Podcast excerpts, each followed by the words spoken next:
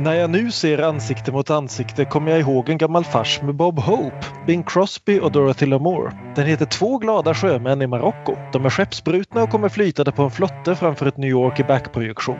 I slutscenerna kastar sig Bob Hope plötsligt omkull och börjar skrika och tugga fradga. De andra stirrar häpet på honom och frågar vad han har för sig. Han lugnar sig snabbt och säger det är så här man måste göra för att få en Oscar. När jag ser ansikte mot ansikte och Livs fantastiskt lojala uppställning kan jag trots allt inte undgå att tänka på två glada sjömän i Marocko.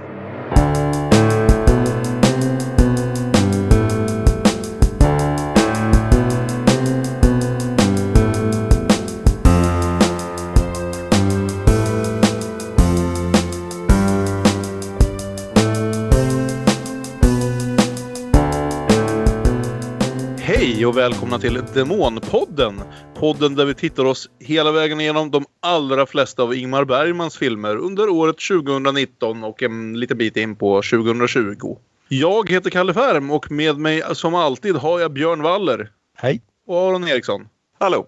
Och vi är här ikväll för att tala om Ansikte mot ansikte från 1976. Ursprungligen en tv-serie av Ingmar Bergman som sedermera har blivit väldigt svår att hitta i denna tv-serieform. Till exempel på den svenska DVD-boxen finns den faktiskt bara i sin långfilmsklippning, vilket är lite underligt. Men Aron och jag djupdök lite i SVTs arkiv och hittade en VHS-inspelning som vi ändå har fått se. Bara en sån sak som man faktiskt har suttit och tittat på tre timmar i VHS-kvalitet inför den här inspelningen. Det var inte igår man såg liksom en hel långfilm i, eller en hel tv-serie i VHS-kvalitet. Det kändes lite ovant men det fungerade ändå oväntat bra. Kanske framförallt för att ljudet eh, ändå gick väl att lyssna på. Det är ganska mycket dialog i den här filmen. Eh, verkar inte gått riktigt så bra för Björn som såg eh, långfilmsklippningen. Nej, alltså vi kan ju gissa lite grann vad det beror på men ljudet är väldigt, väldigt dåligt på den här DVD-versionen. Det första 45 minuterna så är det så distat som man knappt hör vad Liv Ullmann än säger. Och det beror inte på att hon bryter på norska för det gör hon nästan inte alls vid det här laget pratar väldigt bra svenska nu. Men det är helt enkelt väldigt uselt ljud. Det jag misstänker har hänt är att eftersom eh, långfilmsversionen gjorde för amerikanska marknaden så har den antagligen någon gång blivit dubbad till engelska och sen så har den svenska DVD-utgåvan helt enkelt dubbat tillbaka den till svenska med tv-seriens ljud eller något och det verkar inte ha gått speciellt bra den processen. Nej. Det är extremt mystiskt det här att ansikte mot ansikte är ju lite av en outlier i alla de här filmerna vi har sett av Ingmar. För i stort sett varenda film hittills har börjat med en sån här stor skylt där det står att det svenska filminstitutet restaurerade ja. den här filmen då och då från de här elementen och så. Ingen verkar ha brytt sig om ansikte mot ansikte på det här viset riktigt. Nej, den har blivit lite styvmoderligt eller mormoderligt behandlad. Mm. Så det, kan det... vara en rättstvist eh, om upphovsrätten helt enkelt? Du det brukar vara så när sånt här skiter sig. Jag, jag tänker att det måste vara något sånt. sitter på rättigheterna och ja. Ja, jag tänker att det nästan måste vara något sånt för det är också typ den enda filmen från den här eran som inte finns med i Criterion-boxen. Annars så finns nog i stort sett alla filmer vi har tittat på från 60-talet och fram till i alla fall Fanny och Alexander med. Men inte just ansikte mot ansikte. Den saknas. Vilket ljud har du på The Touch? Har du kollat det? Nej, det har jag faktiskt inte gjort. Men det måste jag ju göra nu när du säger det. Eller i alla fall om det finns något där som eh, något litet intressant, vad heter det, bakom scenerna material eh, som går in på det närmare. Jag har liksom inte velat... Av alla de här filmerna, det kommer ta, ta mig ett bra tag innan jag återvänder till någon Bergman-film igen. Och när jag nästa gång återvänder till någon Bergman-film kommer ju inte beröringen vara den jag först springer till. Nej, Nej. så är det inte. Den har dock en väldigt bra bakomfilm. Mycket Spännande. bättre än filmen. Okej. Okay. Men ja, innan vi ger oss lite närmare in. Nu har vi gått igenom det rent tekniska kring ansikte mot ansikte och dess något bekymrade bakgrund. Eh, med diverse klippningar och diverse rättstvister som vi gissar oss till. Eh, men innan vi faktiskt börjar prata om filmen som så så ska jag väl läsa upp ett synopsis ur regi Bergman. Denna miniserie för TV handlar om psykiatern Jenny Isaksson Medan hennes man är i USA och hennes dotter på sommarläger följer Jenny efter en förrymd patient. Två män försöker våldta henne i den tomma villa som patienten tagit sin tillflykt till. Hon får ett nervöst sammanbrott och börjar hallucinera om sin barndom. Jenny återhämtar sig sakta med hjälp av sin vän Thomas. Och återigen, som vi så ofta sagt förut, det beskriver händelserna i filmen. Det beskriver inte riktigt känslan eller vart den här filmen egentligen engagerar sig. Nej. Nej. För jag vet inte, vad, vad, ska vi bara ta lite snabbt varv runt bordet och det ska bli extra spännande som sagt att försöka lista ut vad det är Björn egentligen haft för upplevelse här i jämförelse då med den som jag, upplevelsen som jag och Aron haft. För det lilla jag har sett skrivet här och där är väl ändå att om man nu lyckas få tag på den så är tv-serieversionen den som är att föredra. Och ja, Björn, vad, vad, har du, vad har du haft för upplevelse med ansikte mot ansikte?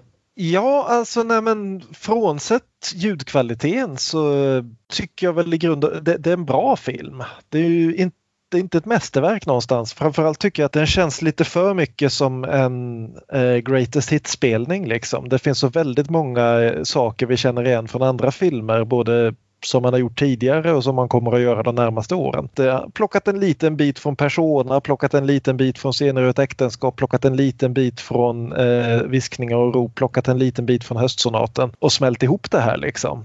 Och eh, Liv Ullman är ju helt fantastisk men eh, det är inte alltid som jag tycker manuset riktigt ger henne någonting att vara fantastisk i jag, jag gillar filmen men det märks som sagt också att den är, att den är ihopklippt lite grann från en tv-serie för det är en del sådana här rena kontinuitetsfel i den också. Mm.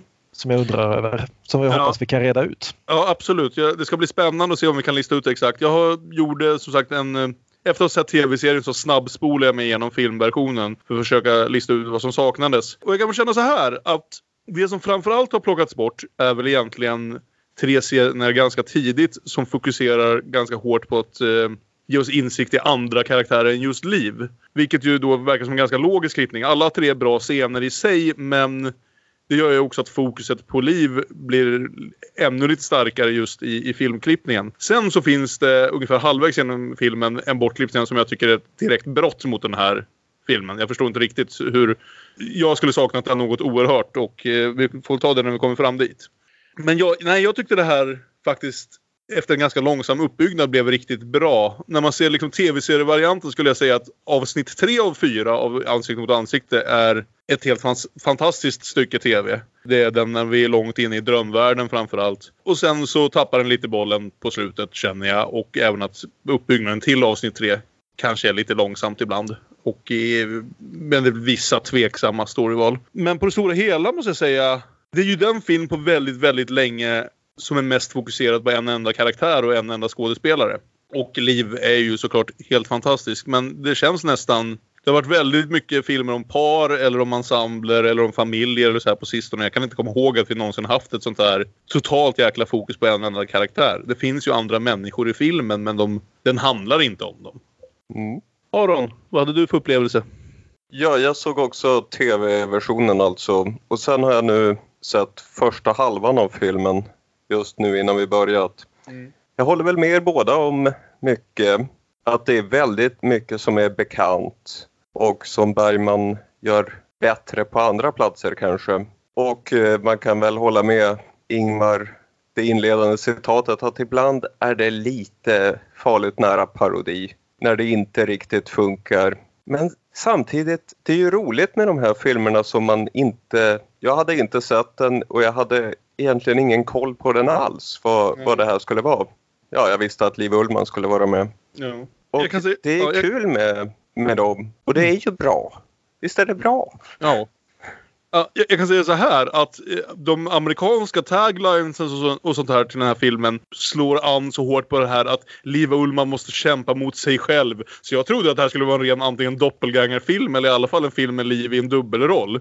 Så ja, det är det ju en bit i alla fall. Men... Ja, precis. Men, men mer uttryckligen så hade jag fullkomligt väntat mig att få se en film med Liv Ullman i båda huvudrollerna så att säga. Och ja. kanske inte riktigt det vi får ändå. Nej, vi, vi kan ju säga lite kort också att det Bergman från första början ville göra var en film som var nästan helt och hållet drömsekvenser som nästan inte hade någon liksom traditionellt berättande alls utan liksom bara var, han, han skriver att det, ska vara, det skulle vara verkligheten som enstaka små öar i, i drömmarna. Mm. Men sen när han faktiskt försökte skriva det manuset så tog liksom professionell, den professionella manusförfattaren över och rätt vad det var så satt han där med en film om en kvinna som då och då drömmer saker. Jag kan säga att det är lite så det här avsnitt tre som jag hyllade förut känns faktiskt. För avsnitt tre blir nog åtminstone fem 50 om inte mer drömsekvenser men snarare korta utstick till verkligheten. Och det blir jävligt effektivt. Så jag undrar om det är där han får den här effekten som han någonstans i grunden eftersökt att hela filmen skulle vara.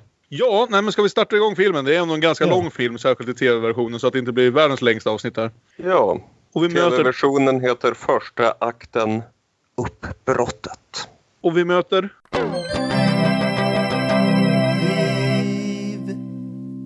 denna Jenny Isaksson, Liv Ullman, när hon går omkring och tittar på ett tomt hus. Ja, ett flyttstädat hus. Ett nytt flyttstädat hus. Jag fick Eller först ja, renoveringsklart visade sig. Ja. Jag trodde nog först att hon höll på att sälja det här, men det är precis tvärtom. Hon ska flytta in här, är tanken. Och sen så kommer vi väldigt fort efter det här, för det här är egentligen bara en tyst sekvens med liv som går igenom ett eh, tomt hus. Så kommer vi snabbt in till den första stora skillnaden mellan tv-serien och filmen. I båda varianterna får vi en scen med Kari Sylvan som den här patienten Maria Jacobi. Men vi får olika scener. Den scenen som man får i filmversionen där hon sitter naken och till synes drogad eller i alla fall, vad ska man säga, väldigt långt inne i sig själv. Det är den andra scenen vi som ser tv-serien får med Kari Sylvan och den kommer först en bit in i avsnitt ett. Här först får vi istället ett sånt här terapisamtal mellan Jenny och vad heter hon nu? Okej. Maria. Där Kari Sylvan faktiskt tillåts skådespela lite grann. Vet du vad som är det stora, fantastiska felet med dig? Ja, Det ska jag tala om för dig. För det har jag kommit på. Du kan inte älska. Och med älska menar jag alltså älska och inte knulla. Jag tror att du är ganska dålig på det också. Vet du vad det är? Du är nästan overklig. Vi kommer ihåg Kari Sylvan från, från Viskningar och rop, men det tog mig en bra stund att känna igen henne här, måste jag säga. Ja. Den här scenen som inte Björn har sett då, utmynnar ju i att eh, Maria får ett fullkomligt utbrott på Jenny och eh, börjar slå henne i huvudet och anklaga henne för att vara en människa som inte kan älska. Lite eh, övertydligt och börjar sen göra lite sexuella, inte angrepp, men antydelser mot henne om vad hon skulle kunna göra mot henne om hon bara vill och andra saker. Det blir en så här inte helt trevlig terapiscen eh, som förmodligen går över de flesta gränserna men där man också får se att eh, denna Jenny som vi kommer följa hela filmen ändå hanterar det här ganska med lugnet i behåll. Man får ändå känslan av att hon har sett det här förut att eh, kanske, om inte med just den här patienten som är patienter i övrigt. Och det är intressant för det är inte någon slags... Här verkar hon vara väldigt väl beredd att hantera sådana här utbrott och liknande svåra situationer så att säga. Men, eh, och jag tyckte det var spännande just. Det var intressant för den första av tre scener i första avsnittet som har klippts och som allihopa fokuserar på andra personer än just Jenny. Mm. Och det var också för oss som, eh, som ju har så som en spegel i nära minne vet ju att ja, nu ser vi dunkelt så som i en spegel men då ska vi se ansikte mot ansikte. Vad händer där? Jo, det är kärleken som händer i Paulus Korinthierbrevet. Mm. Så här med anklagelsen att Jenny inte kan älska, möjligen bara knulla, så är man ju inne på det temat direkt. Och sen försöker, vad heter hon då, Maria visa att Liv Ullman, Jenny, inte kan älska utan bara knulla genom att föreslå att de ska knulla. Men sen får vi i alla fall samma scen när eh, Liv, Jenny, ska flytta hem till sin mormor och morfar. Hon kommer till det här lägenhetshuset med snygga fönster och i trappan möter hon en sorgeklädd kvinna där i trappan. Och det här är ju lite första ledtråden att filmen kommer att vara delvis en dödsrikes dröm. Och det kommer tillbaka på slutet av tv-serien, inte av filmen. Har vi haft den här andra scenen med, med Maria här än? Nej, den kommer Nej. komma efter den här första sekvensen med, med Okej. mormor och morfar för oss. Mm. Innan hon börjar prata med sin kollega där. Han, Ja. Det blir lite Ja. rörigt det här för oss att hålla reda på vad som händer var. Men eh, ja, vi ska göra vårt bästa. Men hur som helst, hon ska flytta hem till sin mormor och morfar i ett par månader medan det här huset görs i ordning, eller hur det nu är. Och hennes mormor och morfar spelas av Aino Taube och Gunnar Björnstrand äntligen får vi använda den här jingeln för första gången på ett tag. Ja. När, när var senaste gången vi såg honom? Det var väl i Riten. Riten va? Ja, så inte på hela 70-talet har vi fått se Gunnar än så länge. Och det är ett trevligt återseende. Och det är också roligt att Aino Taube, som har dykt upp lite här och där i småroller, faktiskt får en, en riktig roll den här gången. Ja. Ja. Inte bara få glana på liv. Nej, precis. Och ja, vad är det som händer här? Vi kan ta det ganska fort. Vi förstår att hennes morfar Gunnar är ganska allvarligt sjuk och att mormors liv framförallt går ut på att ta hand om honom nu. Så därför är hon väldigt glad att eh, Jenny här dyker upp och bidrar med något annat. Ja. Mm. Jag, ty- jag tycker det är en rätt fin scen alltså. Det är, Jag med. det, det är en väldigt hemtrevlig, varm scen alltså. För det är liksom, hon har, de har ställt i ordning hennes gamla rum och Tagit ner hennes gamla möbler eller hur det nu var. Precis. Och här efter att de har lagt morfar till sängs och eh, för morfar ligger i sängen och tittar på gamla fotoalbum tills han somnar egentligen mer eller mindre. Han säger Ja. inte så mycket eh, denna morfar. Han kan prata. Till en början trodde jag nästan att, att Gunnar skulle spela den här rollen helt stumt. ja. Men eh, han kan ju faktiskt prata lär vi oss sen. Men han, han gör det inte gärna. Han Och lever efter- där i fotoalbumet Spöken och minnen. Och efter det får vi en lång sekvens i tv-serien som inte finns i filmen där Jenny och hennes mormor sitter uppe mitt i natten och talar, och talar med varandra och det är då det kommer in just, äh, Jenny ställer sådana här frågor om just hur det känns att hon mer eller mindre nu lever sitt liv som en sjuksköterska åt morfar och om, om, om det inte vore bättre om han fick kunde tas hand om av proffs och så vidare. Och det är en jättefin scen till den graden att jag skulle säga att det förmodligen är Aino Taubes bästa scen i en Bergman-film. Men jag förstår också varför den plockas bort för den handlar mer om mormor och morfar och deras förhållande till varandra än vad den faktiskt säger oss något om Jenny. Ja, det är en fin scen. Och eh, ja, det är mitt i natten, åskan går, tar en nattmacka tillsammans. Mormor vill dricka starkt kaffe för ingenting man sover bättre på än starkt kaffe. Vilket Ja. är intressant åsikt. Men, Vetenskapligt omtvistat men det är vad hon har kommit fram till. Och det, det är en fin Hon pratar, ja det här, hur är det att vara sjuksköterska på heltid nu? Och det är ju nästan som att mormor är lite nöjd med den situationen. För morfar Gunnar, han var ju egentligen en otålig och arrogant jävel. Lite, lite för stolt för att bli den här framstående vetenskapsmannen han hade tänkt sig. Och Han kunde vara ganska elak. Men en dag så såg hon honom och ja, förstod att det kommer att vara dem. Och vi får en namedropping av Trädgårdsgatan i Uppsala. Där eh, Bergmans mormor bodde. Och han spenderade mycket av sin ungdom och tyckte det var en magisk våning. Ja, det kommer mer om den i Fanny och Alexander. Och han Ja. brukar också säga att det röda huset i Viskningar och rop, egentligen så var det nog mormors våning som, som var det där magiska huset. Nämnde vi att vi också har fått veta här lite grann bakgrund om Jenny? Det nej, vi hoppade vi nog över. Ja. Att hennes make är i USA på lång tid. Mm. Att hennes dotter är på sommarläger eller ridläger. Mm. Och att hon har blivit utsedd till överläkare. På vikariat ja. På vikariat, men ändå. som, precis. Ja. Vilket allt det där kommer att spela in till någon grad i alla fall. Men sen hur som helst får vi den första av många mardrömssekvenser.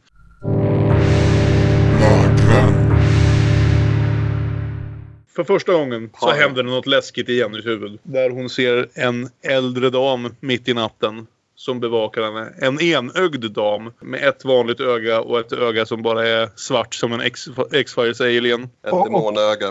Och den här drömmen föranas naturligtvis av en tickande klocka ska vi säga också. Ja. Givetvis. En väldigt starkt tickande klocka. Jag kan säga att jag sitter just nu i ett rum som har en ganska starkt tickande klocka i bakgrunden. Så om ni hör ett sånt här ljud lite läskigt i bakgrunden här och där så behöver ni inte Så är det i rädda. regel galenskap ni hör.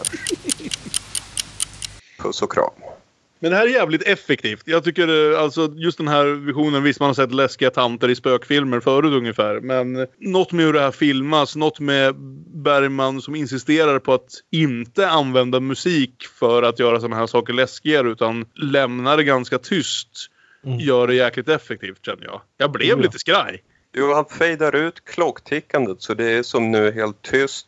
Jenny försöker skrika, kommer inget ljud. Tystnad är obehagligt. Och nu, för oss som såg tv-serien, kommer den här scenen som Björn också sett med Kari Sylvan. Ja, Eh, Jag kan nämna en sak till om den förra scenen. Att eh, sen när hon vaknar och klockan igen börjar ticka, då har de klippt bort åskljudet utanför. Vad gör vi med denna information? Ja, men där har ni det. Det här är den nivå ni bara får på Demonpodden. Men sen får vi psykosexig. Ja. Ja, vad händer i den här scenen egentligen? Det är ju Det är ju konstigt för det blir ju, måste ju betyda alltså Björn att det här är den enda scen, egentliga scenen som du får med Kari Sylvans karaktär bortsett från den senare där hon i stort sett är medvetslös. Ja, Ja. precis. Vilket gör att den, den känns lite... Man vet inte riktigt vad man ska göra med den. Nej. Men det är ju helt enkelt att ja, Jenny försöker prata med Maria som mest sitter där och försöker plocka ut sina bröst. Mm. För hon minns att ja, men det här fick jag beröm för i förra filmen, jag gör det igen. De intressanta replikerna här tycker jag det var väl att Jenny säger då åt Maria att du vet att jag vet att du bara spelar teater. Mm. Vilket väl kanske inte nödvändigtvis är rätt sak att säga som liksom professionell psykiatrisk läkare till någon som har svåra psykiatriska problem. Men i alla fall tematiskt för en Bergman-film. Ja, för det är ju faktiskt intressant att vi har ju pratat ända tillbaka till eh, elaka Dr. Hasse i Törst var det väl. Om att eh, Bergman verkar vara lite, ha en lite tveksam inställning till hela det psykiatriska yrket. Och, sådär. och det här är ju första gången han sätter det liksom front and center på det sättet. Det har ju dykt upp här och där i bakgrunder och vissa dialoger och sådär. Men det här är ju första gången en film faktiskt handlar om en psykiater. Och han verkar ju inte... Eh, jag får inte känslan av att han riktigt har ändrat sin åsikt. Det som hjälper människorna i den här filmen verkar ju inte vara professionell psykiatri utan typ, ja, kärlek. alltså, Nej, men det, vi, vi kommer Ja. väl in lite grann på det men det är ju återigen det här att Bergman har börjat gå i terapi. Som ju blev liksom, ja hela scener ur ett äktenskap är ju reklamfilm för terapi. Och om den var reklam för parterapi så är väl den här reklam för psykoterapi. Mm, Eh, vi kommer ju in på det strax i eh, nästa scen här. ja. Eh, där hon då pratar med sin kollega. Mm, Doktor Wankel vill jag säga. Jag tror det stämmer. Spelad av eh, Ulf Johansson. Och de kommer in på just den här diskussionen om huruvida de faktiskt kan bota folk. Och Dr. Wankel då har den här repliken att vi måste behandla henne men det finns ju trots allt bara mekaniska lösningar, det vill Mm. säga operationer. Och då ska vi nämna att det här är ju ändå liksom, det här är ju 15 år efter eh, Så som i en spegel. Mm. Och vid det här laget så finns det ju psykofarmaka om än inte lika välutvecklade som vi har idag. Mm. Så det verkar ju vara lite grann, om något så är väl det här liksom en poäng att ja, det finns annat att göra än att bara liksom påstå att man spelar teater eller lobotomera folk.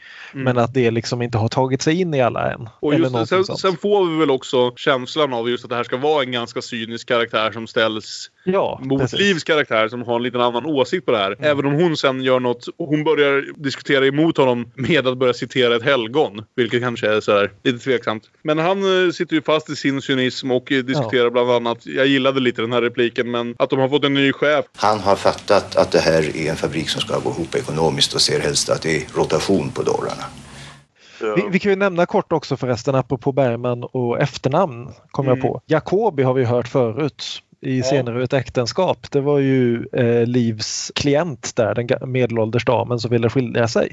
Precis. Barbro Ornäs. Precis. Och kommer komma igen. Bra så. Eh, hur som helst, Dr. Wankel eh, bjuder in henne på fest hos Dr. Wankels exfru. Vilket är en ide- eh, intressant sak att bjuda in. Exakt. Därför att, nej det är inte ens hans exfru utan det är hans fru men frun har eh, älskare och specifikt då unga älskare. Och vi hamnar på Bergmans bild av hur en fest måste ha sett ut cirkus 1969. Alltså det här är ju... Jag ska inte nödvändigtvis säga att det här är bra, men det är hysteriskt underhållande. Ja, Det visar är sig att den oerhört här, roligt. Den här hustrun spelas av Siv Rud och Siv Rud är uppe på 110 procent ja. hela den här scenen igenom. Och det är väl egentligen alla utom Liv vill jag påstå som är på den här festen. ja. Och den unge älskaren spelas av Gösta Ekman. Ja! Och eh, Gösta Ekman måste ju verkligen bara ha kommit in och sagt några saker och försvunnit igen för dig. Men ja, eh, han, han sa inte- inte ens något. Jag, jag vet inte fan om han har en replik. Okej, det är en stor skillnad. Vi är inte riktigt där än. Han har en lång scen i tv-serien. Åh, Okej, spännande. Bra scen. Mm. Än så länge är han väldigt rolig. Han är skådespelare och hur går diskussionen mellan ja, Jenny och hennes kollega? Är inte han... Punkt, punkt, punkt. Jo, visst är han det, men eh, min fru tar hand om han och hans kompisar. Jo, Hans kompis. precis. Och vi ser ju det på festen här också att Gösta har då med sig sin kaninöron-vän, slut kaninöron Ludvig, som är klädd precis likadan och är lika vacker som han och dansar väldigt tätt med honom. Mm. Och där finns också två unga damer varav den ena spelar... Såg ni vem det var då? Ja, Lena Olin. Lena Olin! Det måste vara en av hennes absolut första roller. Japp, och eh, ja, det är ju fint bara för familjeträdet annat. Vi har med både Hasses son och Stigs dotter här. Ja. Jag tänkte bara säga det att sen, för vi är väl ganska nära där nu, den här scenen som Gösta faktiskt får. Så påminner han mig lite om den unge Stig Olin, liksom krisera Stig Olin och sådär. Just i den här maniska nästan energin han har, även om han sen såklart spelar upp, vad ska vi säga, the gayness of it all ganska högt. Vi får också en liten scen med Sivrud som borde nämnas för ja, hon går ju på i 110 som sagt. Men eh, också det är någonting med Jenny som verkar få folk att vilja prata med henne. Och eh, ja, det kommer upp är du lycklig? Någon fråga. Jag tror Jenny frågar det rakt ut. Och det visar sig ju finnas ett annat djup hos Sivrud. En viss sorg men också en tacksamhet. Eh, Som hon pratar om att det är inget avstånd mellan mig själv och det jag upplever. Och det är någonting som kommer att komma tillbaka. Mm. Och givetvis skämtar hon bort det direkt eftersom hon går på i 110. Men det är ett fint litet ögonblick. Men på festen är ju även en person till. Ja. Nämligen Dr. Thomas. Spelad av Erland Josefsson. Mm. Och som visar sig vara den här patienten Marias halvbrorsa. Och oklart varför i filmklippningen. För han verkar vara fullkomligt ointresserad av henne. Och att han liksom börjar umgås med hennes läkare verkar aldrig liksom bli ett anledning för dem att prata om patienten. Händer något mer med det i Ja. tv-serien? Det finns en bortklippt scen som Okej. kommer ganska snart där de diskuterar Mm. den lite mer. Men jag ska ju inte påstå att det är något som dras genom hela filmen. Men, men det är väl typiska sådana här saker som har klippts ut för att eh, liksom behålla fokuset på Jenny i filmversionen. Att allt det här med Maria och mycket av liksom karaktärer som Göstas karaktär och sådär har fått slängas ut. Och det är väl egentligen de vettigaste klippningarna att göra även om det är synd för det är ganska fina scener. Men vi får i alla fall då den här scenen som inte är med i filmklippningen. När eh, Jenny, hon bjuds på middagsdejt med Thomas. Och eh, det tycker hon låter kul. Så hon går in eh, i sovrummet för att låna telefonen för att avboka dejten med sin älskare som hon har just nu. Och eh, lite tillbaka till scener ur ett äktenskap. När hon ringer och avbokar med älskaren. Nej, inte har jag hittat någon som är roligare. Varför säger du så? Sluta vara dum. Men någon annan sitter också där i sovrummet plötsligt.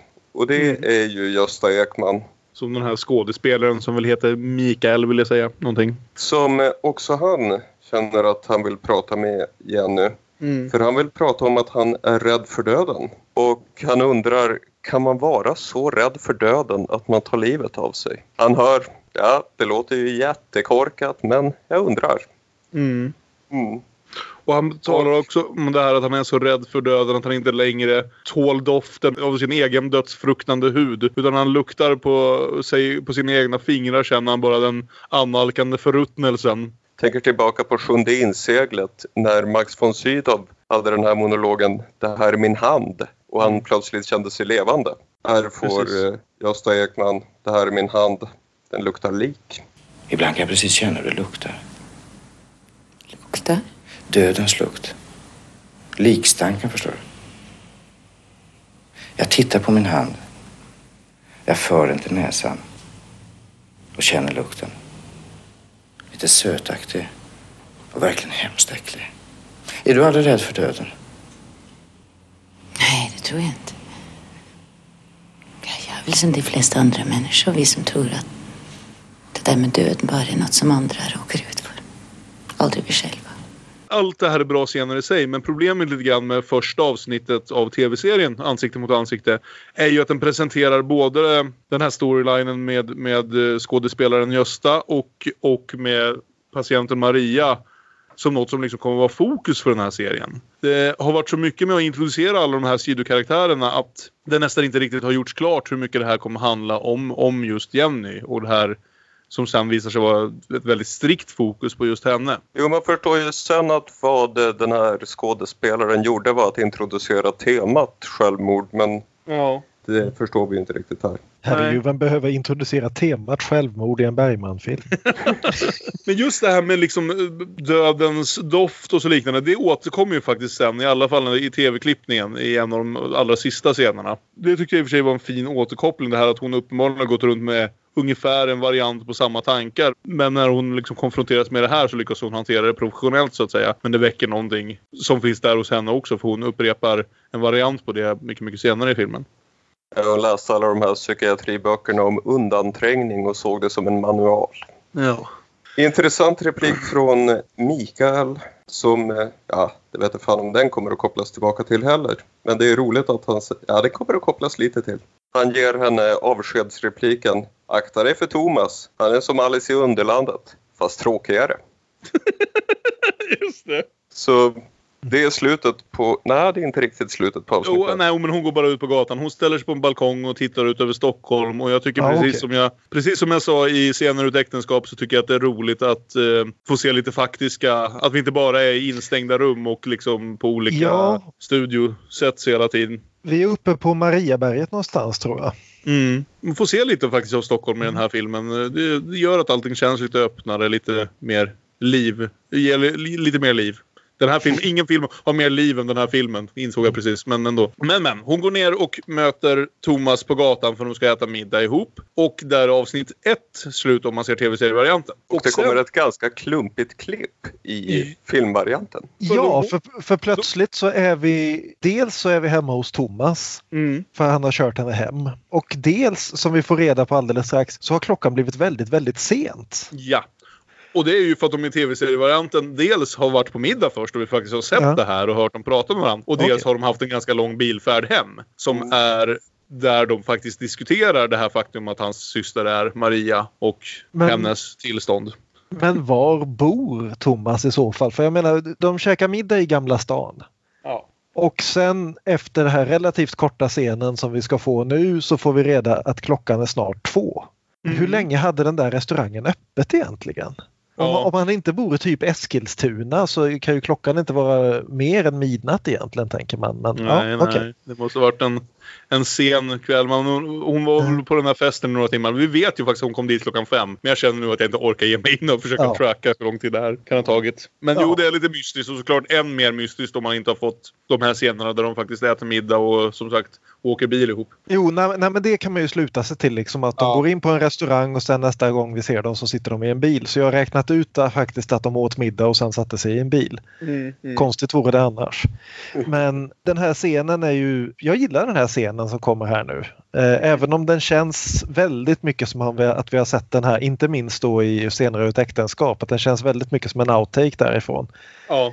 Men att vi kommer hem och får veta att Thomas är skild men att, att det ligger pianonoter överallt, ja men det är frugans. Mm. Han gör ett väldigt, väldigt klumpigt försök att förföra henne med repliken Jag undrar bara om du inte har kolossalt vackra bröst. På vilket Liv svarar They're real and they're spectacular. Ring en taxi. Och det är så fascinerande det här dock. Jag gillar den här scenen mer när, nu när jag sett resten av filmen. Jag var inte så imponerad av den just när den hände. Men som med mycket i den här filmen så, så när vi sen får reda på lite mer om Thomas senare i filmen så, så blir den lite mer intressant. Jo För man börjar precis. inse att eh, han ska vara otroligt klumpig på det här av, av because of reasons. Och vi får också en scen här när han, han säger att han bara vill vara vänner och Liv direkt liksom plockar isär hela den här förförelseakten. Jag vill bara veta hur du har tänkt att vi ska komma härifrån in i din sängkammare. Sen vill jag veta hur du har tänkt att övervinna själva avklädningens löjlighet. Jag vill också ha reda på vilken fantastisk teknik du tänker använda för att tillfredsställa mig och dig själv. Jag vill ha reda på vilka krav du ställer på mina prestationer. Hur pass avancerat och initiativrikt du tillåter mig att vara. Så att jag inte i min plötsliga iver gör dig försagd. Jag är riktigt lustig. Att det var synd, det får jag menar allvar. Jag vill också ha reda på hur du har tänkt dig själva avvecklingen av samlaget. Ja, Liv är väldigt bra där. Den är rolig. Ja, ja, precis. Det finns faktiskt en del ganska roliga sekvenser här. Mest i första halvan av filmen får man väl säga. Ja. Eller rättare sagt mest innan det som precis kommer att hända som väl ändå är det som vänder filmen lite på sitt huvud. Men jo, det där var... Just, just den monologen är väldigt stark. Hon kommer hem mitt i natten och vi får eh, en av de absolut finaste scenerna i hela filmen. Tycker Ja. jag. När Gunnar Björnstrand, precis som gubben på hotellet i Tystnaden och precis som vad heter det, Agnes i Viskning och rop går upp för att vrida upp klockan. Även här är döden annalkande och enda sättet att hålla den borta ytterligare en dag är att komma ihåg att vrida upp klockan. Han har dock glömt att de hade vridit upp klockan väldigt noggrant några timmar tidigare. Så det blir lite sorgligt också. Och vi får den här fina tematiska repliken där eh, morfar sva- svarar liksom att ja, men den stannar ju. Ja, säger mormor, men bara om du håller på att leka med den hela tiden. Ja, nej, jag älskade det här. Det är, ja. Ja, det är en väldigt fin äktenskapsscen Ja. det här Ja. mormor och morfar emellan. Fina repliker, bra skådespelare. Mm. Ålderdomen är helvetet. Allting är rörande. Och sen får Liv ett mystiskt telefonsamtal som leder henne att åka ut till hennes nya hus. Och där får vi väl vad som är... Jag vet inte riktigt vad jag tycker om den här scenen som kommer här nu. Det är absolut den som vänder filmen på sitt huvud och jag vet inte riktigt om hur den är vare sig genomförd eller vad den säger. Lätt problematisk. Det är det. Den är snyggt filmad. Så Ja. mycket vill jag säga. För hela scenen, är ju, säga. hela scenen är ju då filmad med en nästan helt statisk kamera som visar ett rum till vänster och ett rum till höger och så väggen däremellan. Ja. Och inte med någon konstigt liksom genomskärningsbild utan är helt enkelt filmad utifrån hallen då där man kan se bägge Precis. rummen. Det kan jag väl känna så här att det är en av sakerna som gick lite förlorade men behöver sitta och titta på en VHS-kopia. Eftersom det är Sven Nykvist så antar jag ju bara att det här är en väldigt välfilmad film. Men lite av det med liksom dassig upplösning och dassiga färger och sådana där saker som liksom kommer med en VHS-kopia gick ju lite förlorat måste jag ärligt säga. Men just det här Filmversionen var omgjord till 16.9 vilket jag tyckte ja, blev det likt, riktigt bra alla gånger. Mm. När de hade, ja, Ja, vad kallas det? Crop? ja antingen Beskurit heter det beskurit det. Så heter Ja. det. Nej men det som händer är i alla fall hon kommer in i sin lägenhet som är helt tom och där hittar hon Maria Jacobi liggandes i ett rum. Mm. Hon försöker ringa ambulans. Men vem rusar in då? Det är Birger! Det är Eller- Birger! Eller för oss som var, såg den suddiga VS-kopian. En människa som är så suddig att man kan lista ut efteråt när man tittar på rollistan att det där var Birger. Ja, För han syns aldrig i någon närbild ens. nej. Nej. Så, Och det är men här, Birgers sista Bergman-insats. Och hans roll kallas Den äldre våldtäktsmannen. Och då kan vi gissa vad som kommer att hända i den här scenen. det är ju också, ska vi säga, hans första talroll hos Bergman sedan 1952 vill jag säga. Ja. Kvinnors väntan. Kvinnors väntan. Ja. Ja. Sen dess har vi bara sett honom antingen i, som stum eller på bild. Precis. Och sen kommer vi lära känna den yngre våldtäktsmannen eh, som är Göran Stangertz i en tidig roll. Och han har man ju sett som liksom olika lodisar i diverse svenska filmer. Hel, hel, ja, ända sedan dess höll jag på att säga. Bland annat mot eh, Max von Sydow Ja. i Ingenjör Andrés luftfärd. Men så de förklarar i alla fall att de har bustat ut Maria ur, från psyket och kört hem henne till Jenny eftersom det var den enda adressen de hade. Jag vet, jag vet om du hjälper någon att fly från psyket, varför kör du hem henne till hennes läkare? Men ja, Ja, nej. Hon insisterade på det mitt i natten. Ja, det är överhuvudtaget lite oklart. Och när, de inte, när det inte var någon där så kollade de med sjukhuset och fick hennes nummer till mormor och morfar och så ringde de. Så det var de som ringde där i förra scenen. Ja, precis. Så de brottar ner henne och försöker våldta henne men förklarar att hon är tillsnörpt. Ja.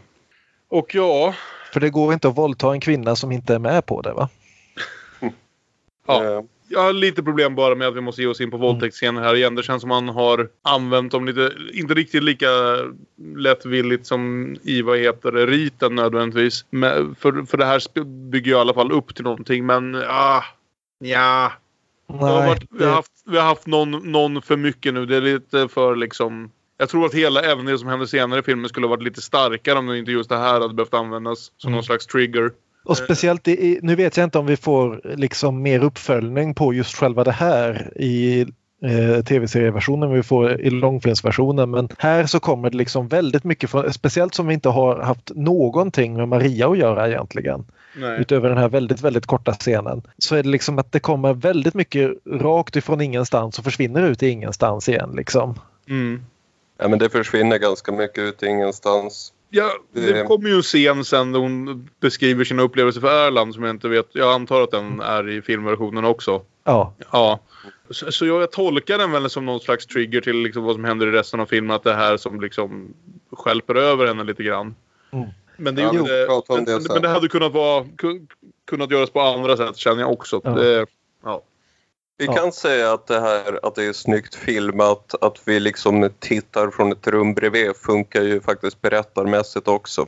Mm. Att eh, vi tittar på, vågar inte riktigt göra något. För han, eh, han är ju ganska bra på det här när han vill inkludera oss som tittare, att vi är medskyldiga eller när vi står vid sidan av och tittar på. Så allt det funkar väl effektivt. Men ja. Rent tekniskt är det ju faktiskt ändå intressant nu om man tittar tillbaka på riten nu att han har hittat två olika sätt att filma en våldtäktsscen där ingen av dem kändes direkt objektifierande eller i alla fall som det skulle vara liksom upphetsande på något sätt. För i riten hade vi den här nästan första persons kameran Mm. som liksom Mm. gjorde att vi fick se attacken extremt intimt men ändå utan att behöva se några, några detaljer. Och här väljer han istället det här filmsättet där liksom det mesta sker precis runt hörnet från det vi faktiskt kan se. ja. Så Och det är, också, som, eh, liksom, te- det är också tematiskt just det här apropå vad Siv Rud sa för en liten stund sedan att leva nära sina egna upplevelser. Att den här scenen då är filmad så väldigt avståndstagande. Mm. Absolut. Och sen blir det konsert va? Direkt Ja. med. Då spelar Cabby Larete Mozart för Jenny och Thomas. Och det är ju intressant av flera anledningar. Dels att Ingmar verkar fortsätta kunna ha bra förhållanden med alla sina ex. För nu Ja. är det två, två ex i samma scen här igen. Och det är också intressant för att eh, hur han filmar den här konserten är ju precis hur han filmade öppningen av Trollflöjten. Eller hur? Jag Ja, med alla de här korta bilderna på publiken. Inklusive samma pojk. Ja, Ja. Som, som satt i bakgrunden som satt och tittade på Trollflöjten. Han är nu här för att titta på Cabby. Han är ett jävla Mozart-fan den här gr- grabben. Jag tyckte han såg lite lätt ointresserad ut men, eh, i, i Trollflöjten. Men nej, nu är han här igen. Han är hooked. Han var springer från. Bergman-film till Bergman-film för att få se så mycket live Mozart som möjligt. Mm. Efteråt så åker de återigen hem till honom. Mm. var han nu bor. Ja, Och Typ Jenny i vill ha Gävle. sömnmedel. Sömnmedel är hon sugen på. ja. Och hon... Eh, hon är ju lite i ett intressant... Eh, intressant vet jag. Ja, hon är ett speciellt, på ett speciellt humör. Och lite osammanhängande. Men hon säger det här att om man tvingar allt att vara som vanligt så blir allt som vanligt. Och Mm. Ingmar brukar ofta säga sådana saker om sina känslor att han bestämde sig att han bestämde sig att sluta ha dåligt samvete för hur han hade behandlat sina barn. För det var bara koketteri att ha dåligt samvete, tyckte Ja. han. Och ja, det här med att bestämma sig för sina känslor, det är, det är ett intressant tema. Som i den här scenen lite ifrågasatts ändå. Ja, exakt. Det är väl också ett återkommande, vad ska man säga, svepskäl som man hör från människor som förmodligen egentligen borde behöva söka hjälp till varför de inte gör det. För att de har Mm. bestämt sig för att hantera det. Nej, men jag hanterar det här så väl. Jag bestämmer för vad jag ska tycka och tänka här. Ja. Och det här är ju extremt starkt skildring om, av varför det förmodligen inte fungerar. Nej, precis. För hon går ju då och lägger sig bredvid honom och de är överens om att hon ska bara få sova i hans säng och han sitter och läser. Och sen så vaknar hon till liv igen och börjar berätta om den här våldtäktsscenen. Hon säger det hände något så egendomligt. Som det är så hon ser på det. Mm. Och ja, Ja. hon får lite utbrott. Hon får, äh, hon får ett stort utbrott och skådespelar ju starkt. Och sen när hon klarnar till igen så verkar hon tänka det där var konstigt. Så vad fan händer? Ja, vi ska väl nämna här också bara för att det är väl den klyschan som eh, irriterade mig mest. Och det är väl det här att hon påstår sig vid något tillfälle under våldtäktsakten ha kommit på sig själv med att bli lite upphetsad av vad det var som hände henne. Vilket jag tror är en sån här jävla klyscha Ja. som, som oftare sker inne i manliga artisters huvuden när de ska skriva om våldtäkt än vad det faktiskt någonsin händer i verkligheten. Ja. Och eh, det retade upp mig tillräckligt att jag inte riktigt hade det fokus jag borde haft på några minuter känner jag med, Mm. med, med den här scenen som jag tror annars är ganska stark. Jo, eh, repliken här är ju 50 sorters problematisk. Liksom, att plötsligt så ville jag så förtvivlat gärna att han skulle göra det men allting var tillstängt, krampaktigt och torrt. Ja. men, sen, men sen hur Liv spelar den här scenen är ju just det här hon, hon börjar skratta lite lätt och börjar skratta högre och högre tills hon plötsligt bara får ett fullständigt sammanbrott. Mm. Och kräver återigen att han ska ringa efter en taxi. Det är ingen fara, det här går över. Han vill hellre ringa efter en läkare men hon säger du har läkarexpertis här i rummet. Det här är inte något fel. Mm. Och en Och sak det- måste man säga.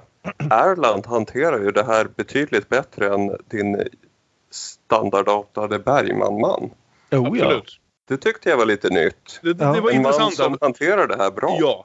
För tidigt i Erlands scener så trodde jag ju bara att vi höll på att se, vad hette han nu i Senare äktenskap? Johan igen. Alltså Ja. att det var ungefär samma gubbe ändå och att det skulle liksom leda till något liknande. Men här börjar vi ju verkligen ana att det här är inte Erland från Senare ut äktenskap utan den här killen har lite mer liksom koll på vad han sysslar med i det här och han han, han hanterar ju allt det här med hennes nobb, sexuella nobbningar och så betydligt bättre också. Ja. Verkar vara helt på det klara med vad, att, att det är okej. Han verkar inte vara uppretad eller känna sig liksom dissad av det. Nej.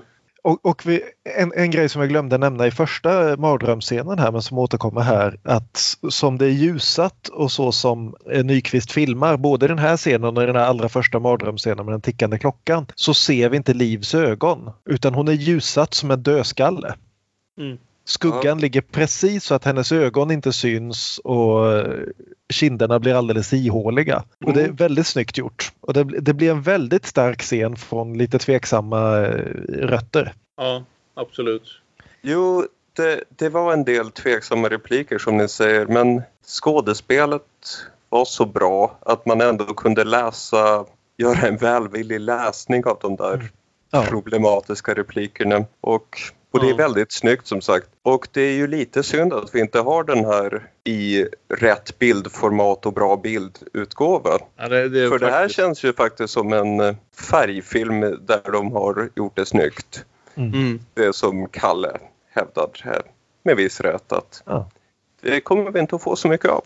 Nej. Men hur som helst så kör han henne hem Mm. och hon går upp i mormor och morfars lägenhet och lägger sig och sover och när hon vaknar så är det för att mormor väcker henne och talar om att hon har sovit i 24 timmar. Mm. Och det är lördag och hon har missat hela fredagen och, men det är ingen fara. Mormor har ringt till jobbet och sagt att hon är sjuk. Mm. Men mormor och morfar har inte tid att ta hand om henne längre för de ska gå på middag hos vem då? Hos, Hos Egermans. Det är väl det man tredje gör. gången vi hör om Egermans utan att få se några Egermans. Ja, Alltså dessa Egermans har ju ett fantastiskt socialt liv alltså. Absolut. Någonstans måste ju någon ha skrivit en episk fanfiction där vi får följa alla dessa middagar hos Egermans. Ja, som pågår i århundraden uppenbarligen. För sist Ja. vi hörde om dem var det viskningar och rop som väl utspelar sig 80 år innan det här. Man, man undrar ju vad liksom, ska vi gå på middag till Egermans är en metafor för i det Bergmanska hushållet. Men, men, Paint eh, Houses. Hon somnar om och vaknar 24 timmar senare igen. Och här köper man ju verkligen att Liv har legat och sovit i 48 timmar för hon ser ju fullständigt halvdöd ut. Men hon gör ett försök här på det som nu är söndagen efter att ha sovit i 48 timmar. Att, att eh, bestämma sig för att allting ska vara okej. Så hon klär på sig och spolar ansiktet med vatten. Det känns lite konstigt det här men ångesten är borta. Det är huvudsaken. Om jag kan ta det ena först och det andra sen. Så det är återigen det här med att intala sig att man mår bra. Precis. Bestämma sig för att må bra. Absolut. Jag Eh, vill nämna hennes förväl när Erland hade kört hem henne också. Så återigen helt oförstående av sina reaktioner. Så hennes hejdå var förlåt att jag var dum. Nästa Ja. gång ska vi bara prata om dig. Ja. ja, det Alltså det här jag. är ju, för att citera en stor filosof från ett tv-program. Whenever I'm sick I stop being sick and start being awesome instead. Och det funkar inte där heller. Men ja, Men hon försöker ringa upp Thomas för att föreslå att de ska gå, han ska få bjuda henne på bio och sådär. Men mitt i det här telefonsamtalet så brister det. Ja, och hon ser den här damen med det svarta ögat igen. Och bara lägger på luren. Och här, det här är ju den stora vändningen någonstans. Efter det här är det inte Ja. riktigt samma film längre. Men det är också här de har gjort det mest brutala klippet. Eh, gentemot eh, TV, alltså tv-serien gentemot Okej. filmversionen. För i tv-serien sätter sig nu Liv ner här och har en 10 minuters monolog. Där hon spelar in ett, av, ett avskedsbrev på band till sin man. Huh. Jo, det var chockerande att det var borta. Det var helt, det var det som jag tänkte att det här är fan bara ett brott mot för den här. För det, det är ändå scenen som någonstans blir lite nyckeln till, till att liksom hänga med i vad som händer i andra halvan här nu efter självmordsförsöket som vi närmar oss. För jag måste säga att jag saknade inte riktigt en scen där. Jag tycker det funkar jättebra. Åtminstone den här scenen fram till att hon sen vaknar på sjukhuset om en stund. Men så tycker jag den här scenen funkar väldigt bra. Men vad, är det som kommer fram i den här monologen då? Det är väl egentligen att vi får följa hennes, den här känslan av att det har varit något långsamt uppbyggande för henne. Att, det, det, att hon långsamt har blivit medveten om sin obenägenhet att känna faktiska känslor. Att inte vara lycklig utan låtsas vara lycklig när hon vet att hon borde vara det. Hon talar om en vacker vårpromenad hon tog med, med sin make och sin dotter. Där allting till synes borde ha varit perfekt och att hon blev så frustrerad över att hon behövde ljuga och säga att allting var perfekt när hon visste inombords att hon typ inte, inte bara inte kände sig ledsen nödvändigtvis utan inte kände någonting. Inte kände det här, inte kände det hon visste att hon borde känna enligt alla logiska, eh, liksom, logiska resonemang. Och eh, jag tycker det jag tycker det blir väldigt starkt för att alltså när den här vändningen kommer med självmordsförsöket så blir det väldigt klart vad den här filmen har byggt upp till. För ser man åt andra hållet, det var, fanns stunder under de första två tv-avsnitten där jag började undra vad är det den här filmen eller den här serien faktiskt ska handla om. För ett tag trodde jag vi var på väg in mot något mer om den här patienten Maria. Och sen så trodde jag att det skulle bli lite mer med Gösta Ekmans karaktär. Men när självmordsförsöket sen sker så känns det liksom i efterhand ganska klart. Eller ganska tydligt att det var hit vi var på väg. Och hon pratar om den här isoleringen som hon har känt så länge. Och på något sätt känns det som... Du pratar om det här våldtäktsförsöket som en trigger. Och på något sätt känns det som att hon tänker på det. Inte ens det fick mig att känna mig närvarande i situationen. Nej. Det är lite hur jag eh, tolkar hennes uttryck där. Mm. Vilket jag, Mm. det kan man säga vad man vill om. Och det är också brottet för det efter att hon har spelat in det här bandet som avsnitt två tar slut. Direkt efter att det här bandet är inspelat innan hon sätter sig på sängen och börjar knapra piller. Okej, Eh, för, ja. för som jag såg den här scenen så tycker jag att det funkade väldigt bra just det här. Att vi går direkt från att hon lägger på den här luren och börjar vandra omkring i lägenheten. Och det här, jag tycker det är, så, det är så snyggt agerat återigen av Liv här. Liksom. Vi Mm. vet ju att hon kan agera utan att faktiskt behöva säga någonting. Mm. Hur hela kroppsspråket här verkligen säger, ja liksom vad fan är, vem, va, va, hur, va, va, vad är det som händer, var är jag? Ja, Har, jag? har jag någonsin varit här förut? Jag känner inte igen någonting. nej. Men det är också lite det, den här bandinspelningen där den totala förvirringen Ja. som samtidigt är helt saklig. Det är Ja, lite exakt. det som gör att... Eh, Hon är så ja, skrämmande saklig i det här. Hon blir inte, liksom, inte ens här blir hon liksom emotionell på det här att hon börjar gråta eller att hon blir liksom förtvivlad eller upprörd. Utan hon är så skrämmande saklig i att hon försöker resonera fram hur hon har kommit fram till att det här är den rätta vägen. Liksom. Och det, Jag vill att du Ja. ska föra det här vidare tydligt. Varje detalj till vår dotter. Ja. ja, det var Hon många stunder lite där. med att citera Sokrates. Att kanske är det här ett tillfrisknande från en livslång sjukdom. Lite som Sokrates sa just innan han drack. Ja. Giftet. För, så, för som jag då får den här självmordsscenen utan det här så tycker jag ändå den fungerar väldigt, väldigt bra. Mm. För just det här att man förstår inte förrän en liten stund in i den här scenen vad det faktiskt är. Att hon går in i sitt rum, hon drar Nej. för gardinerna, hon sätter sig och tar lite tabletter och sen bara fortsätter hon ta tabletter. Mm. Och kameran inte ens zoomar ner utan liksom bara dippar en liten, liten aning så att vi precis ser att det här som vi har sett översta kanten på på nattduksbordet i själva verket är ett kuvert där det står Erik. Ja, där det här bandet då såklart ligger. Ja, och, eh, precis. Ja, nej, alltså det, jag förstår att det blir effektivt. Det blir en, annat, liksom, en annan effekt av att se det ja. på det viset. Jag skulle så... verkligen ha saknat den här scenen för jag tycker det är en strålande scen mm. eh, i sig. Men ja, det är intressant just det där att det kan fungera på två väldigt olika sätt. Liksom. Ja, nej, för det blir, liksom, det blir inte något väldigt dramatiskt runt det. Och hon har ju också mm. den här repliken där att... Jag känner mig inte rädd. Jag är inte ensam.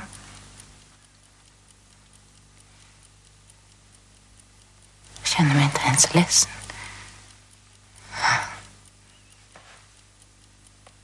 Det känns faktiskt ganska behagligt. Jag känner mig inte rädd, inte ensam, jag känner mig inte ens ledsen. Nej, Det känns jag- faktiskt jag- ganska behagligt. Ja, alltså jag kan säga att det var vid den punkten som jag tyckte det här var så jävla strålande. Det här är ungefär den starkaste sekvensen för mig. Mm. Det får mig nog tro att det är ett jämnt halvdussin gånger under det här projektet som jag har blivit lite blöt i ögonen av någonting som har skett i någon av de här filmerna. Ja. Och vi får den här långa, långa, långa, långa tagningen där hon lägger sig ner och tittar på tapeten och nynnar. Och vi sen följer hennes blick långsamt, långsamt, långsamt längs väggen bort mot fönstret. Mm. Tills det då slutar på den här gardinen med en bild på ett slott. I tv-versionen tickar en klocka där. Det gör det inte i filmen. Ah, Då kan man Saker man säga, märker. Kyrkklockorna, som dock klingar, är med i både tv och film. för självmordsscenen är ju verkligen det första som händer i avsnitt tre för oss som ser tv-versionen. Och som sagt, avsnitt tre tyckte jag rätt igenom var ganska jävla strålande. För det, det börjar med den här enormt starka självmordsscenen för att sen gå in i den här kakofonin av, av drömscener som ibland avbryts av liksom korta uppvaknanden till verkligheten. Så man inte ens jämt är säker på att allting som händer där är verkligt heller. För hon är ju så pass out of it. Ja. Men den första drömscenen. Det är ju väldigt häftigt helt enkelt som tittare. Hur helt plötsligt Jenny rödklädd går runt i ja, ett dödsrike. Är vi bra på att beskriva klädensemblar? Vill ni beskriva hennes klädsel? Handmade, Stale med lite annan huva. Ja, det var en väldigt fin huva hon hade på sig. Men ja, nej det är verkligen. eh, Avsnitt tre kan vi säga. Jag tror aldrig vi sa vad avsnitt två än- hette, men skitsamma. Men avsnitt tre heter Skymningslandet. Mm. Och känns väl bra exakt som det. Mm. Och, Avsnitt två hette Gränsen.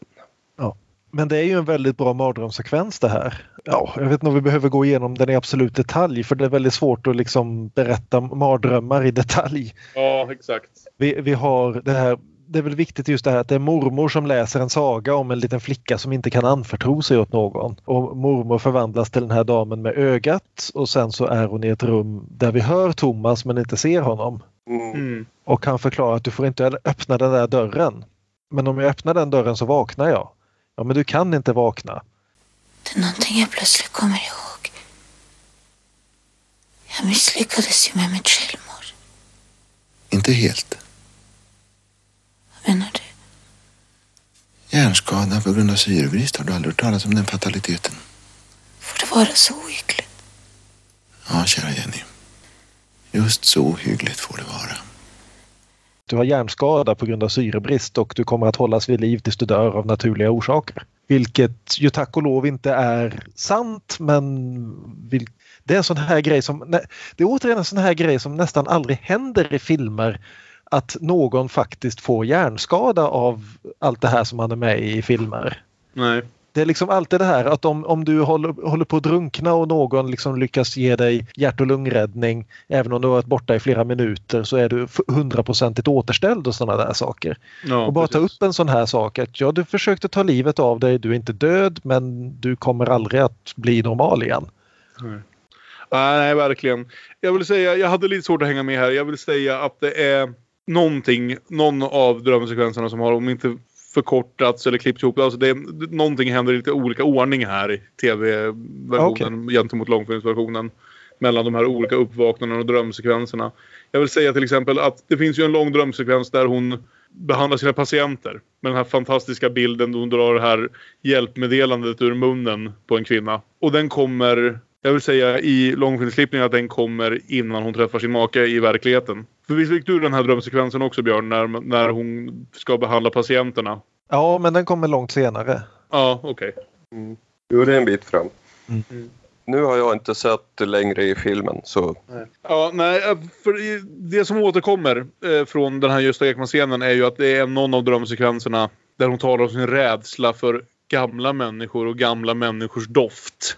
Mm. Och det är Ja. ju en direkt referens tillbaka till att Gösta Ekman kunde lukta, dofta sin egen eh, annalkande död på sina fingrar och så vidare. Och det visar sig då att de helt enkelt har samma ungefär rädsla, samma tankar kring det. Gamla människor påminner en om den annalkande döden, den annalkande förruttnelsen. Och återigen, det som Gösta också pratade om, den konstiga liksom dubbelheten i att vara så rädd för döden att man, att man funderar på att ta livet av sig. Bara för att ha det gjort liksom. Så den kopplingen tillbaka är väldigt fin och tänker fungerar kanske inte riktigt lika bra om man inte har sett Gösta-scenen. Samtidigt som jag förstår att nu att Gösta-scenen är ju för filmen som en helhet helt klart en sån som kan klippas.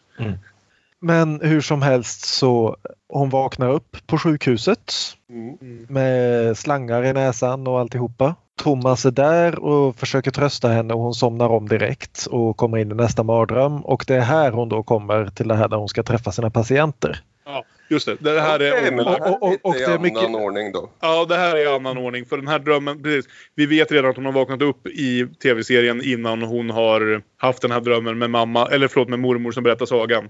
Och så Ja, vidare. vi får en Okej. kort sekvens i dödsriket i röda kläder och sen ser vi henne med slangarna i näsan och sen tillbaka in i Precis. dödsriket med mormor som läser saga. Så de har Okej. flyttat om lite grann här. Förmodligen för att någon dött, eller förlo- förmodligen för att någon drömsekvens är antingen avkortad eller bortklippt. Så har de behövt flytta runt de scenerna som är i, när hon faktiskt är vaken. Förstår. Skitsamma. Men jag älskade den här drömsekvensen, den här mardrömssekvensen. Hon behöver hantera patienterna på Ja, brutalast möjliga vis. Och, d- och, Den, den, den, börjar, faktiskt den, lite börjar, rolig mitt i det här annars brutala jävla avsnittet.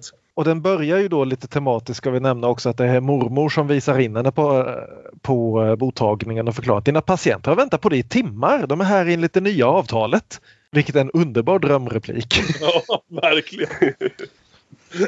Och sen är hon då omgiven av psykpatienter som hon förväntas hjälpa. Och det finns en väldigt bra scen här där hon först börjar hon dra ut en textremsa ur munnen på en tjej Precis. och läser, ut, läser till då att de har opererat mig i huvudet men de glömde kvar den vanliga skräcken när de sydde ihop mig igen. Mm. Ja, nej, det är strålande. Alltså, jag Ja. älskade den drömbilden. Mm. Hela den här sekvensen. Men just det där, hon som på något sätt kommunicerar via textremsor ut ur Ja. munnen. Och sen går hon bort till en annan kvinna som hon lite i stil med varje timmen drar masken av. Ja. Eh, Och, och, sen, och sen hänger ett lakan över henne och säger åt henne att ta sina tabletter. ja, Ja, det är verkligen löpande band psykiatri här. Ja, precis, precis. det som, som eh, hon eh, talade emot när hennes kollega varmt talade för det i den tidigare scenen. Ja. Och morfar dyker upp och säger att han är rädd för att dö och Jennys fina råd är att räkna till tio. Om du fortfarande är vid liv när du har kommit till tio börjar du om igen. Vilket, Ja. ja. Det är väl ungefär det. Eh, Alltså det här är ju... Inte för vi har inte dragit de referenserna på tag. Jag börjar tänka lite på Restless. ja. Just, ju, ju- just den här paniken av att eh, dyka upp bakom, bakom scenerna och behöva gå ut på scen snart utan att veta vad man ska spela eller vilka man ska spela emot. Jo, vi pratar alltså om Buffy-avsnittet Restless. Ja. Och vi, har ju, vi har ju faktiskt till och med en scen alldeles innan här i slutet på den förra drömsekvensen där hon kommer ut i lägenheten genom att gå genom garderoben. Ja. Vilket är en scen Restless lånar verkligen exakt. Ja. Så ja. Men eh, vi, vi får också ett, ett annat återseende här som var lite förvånande. Mhm. Nämligen att vi får se hennes dotter. Ja. Som då Ja. spelas av Helene Friberg, det vill säga flickan från introt till eh, Trollflöjten. Precis, hon Mm. var som vi följde nästan på något sätt vår protagonist rätt genom trollflöjten. Mm. Skulle hon komma att tycka om det här eller inte? Ja, nej, det var intressant att se henne igen. Sen får hon en scen lite senare och måste, jag måste väl säga att jag tycker hon är lite filmens svaga kort då. Men Ja. ja, men ja nej, det, var, det var ett intressant återseende. Jag tycker bara, jag bara säga, jag tycker den här scenen, det är ju en scen som inte är helt olik den här scenen i Smultronstället. Nej.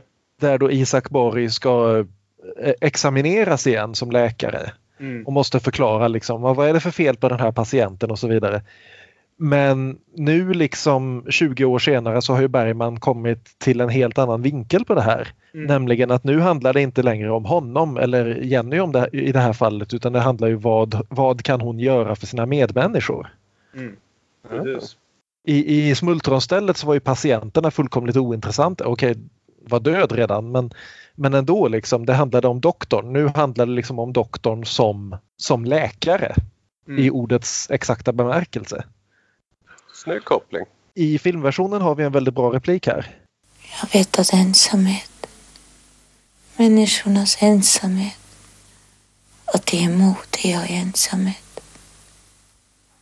Som barn i mörkret som har bestämt sig för att inte ropa. Eftersom det kanske blir enda rättare om ingen kommer när det ropar. Jag är bara lite förvirrad över ordningen här. För som sagt, jag antar att det nu för dig blir så att hon vaknar upp ur den här drömmen till meddelandet att hennes make är där. Ja, och hon, Ja. Har, hon har fått ena armen gipsad.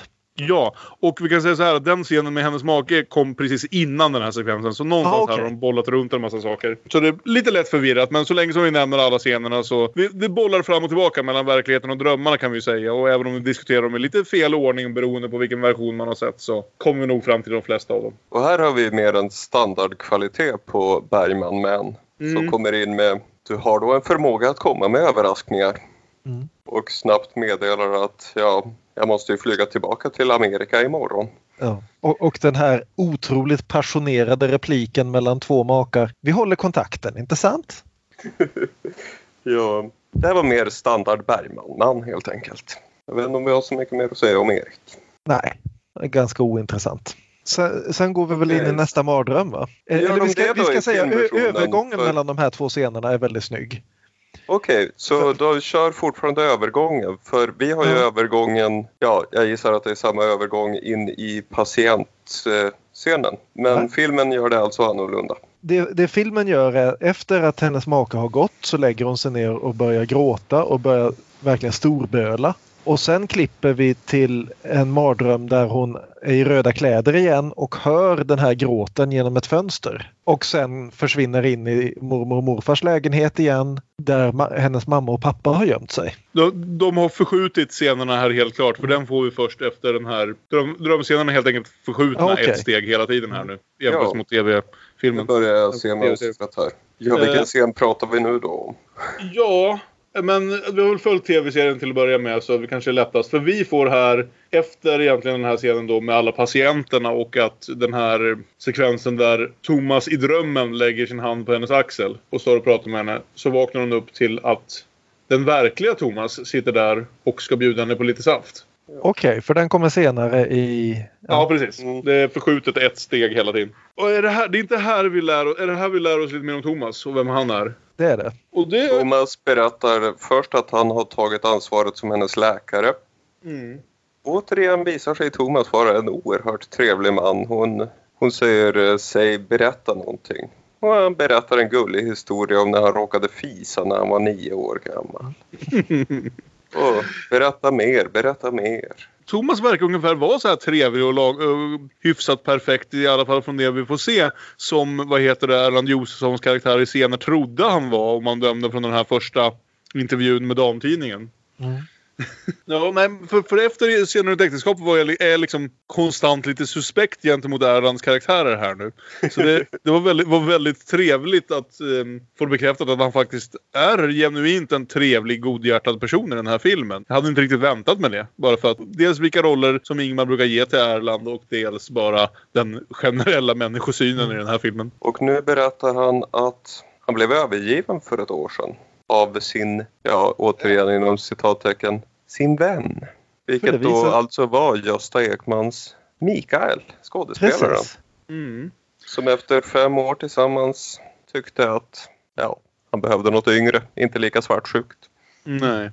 Och eh, ja, men det är en fin liten vändning som gör att man får lite mer vett av de här scenerna som de har haft tillsammans i hans hus. Att han inte har pressat på så hårt. Att han har gjort några tafatta försök att förföra henne men som inte alls har visat sig funka. Förmodligen för att han inte har liksom... Han verkar inte vara så helhjärtad kring det ändå. Det var kanske något försök att återgå till något tidigare som man egentligen inte trodde på. Lite i stil med vad hon har sagt att liksom försöka göra rätt sak även om det inte är det man faktiskt känner att man borde göra. Ja, så det, men det är väl egentligen första gången vi ser en någorlunda sympatisk homosexuell karaktär i en Bergman-film va? Ja, om vi inte räknar att i TV tv-versionen här så har ju faktiskt även Göstas Mikael var Jo. ganska sympatisk eftersom vi faktiskt fick en riktig scen med honom. Ja, Eh, men, men absolut, för tidigare annars har det väl mest ja, nej. Jag hävdade ju bestämt Ja. att vi- Visst Jo. Europa handlade om ett Ja. lesbiskt romantiskt förhållande. det, så- det är sant. Ja. Men manlig homosexuell karaktär i alla fall. Så det har inte, det har inte varit sådär väldigt tjockt med dem. Det var han påklädaren i Kvinnodröm ungefär. Ja, han var charmig. Han i vargtimmen var inte så snäll. Ja, just det. Och så får vi också fastslaget här att, att klockan är halv två och det är snart ljust. Det är väldigt många liksom vakenscener och viktiga scener i den här filmen som utspelar sig någonstans mellan klockan ett och klockan fyra på natten. Mm, varje timmen. Precis. Och sen får den, vi den värsta tiden. Ja, och sen så får vi den här i tv-varianten den här magnifika drömsekvensen där vi till slut får träffa Jennys föräldrar. Och det är även den avslutande sekvensen för, för eh, avsnitt tre.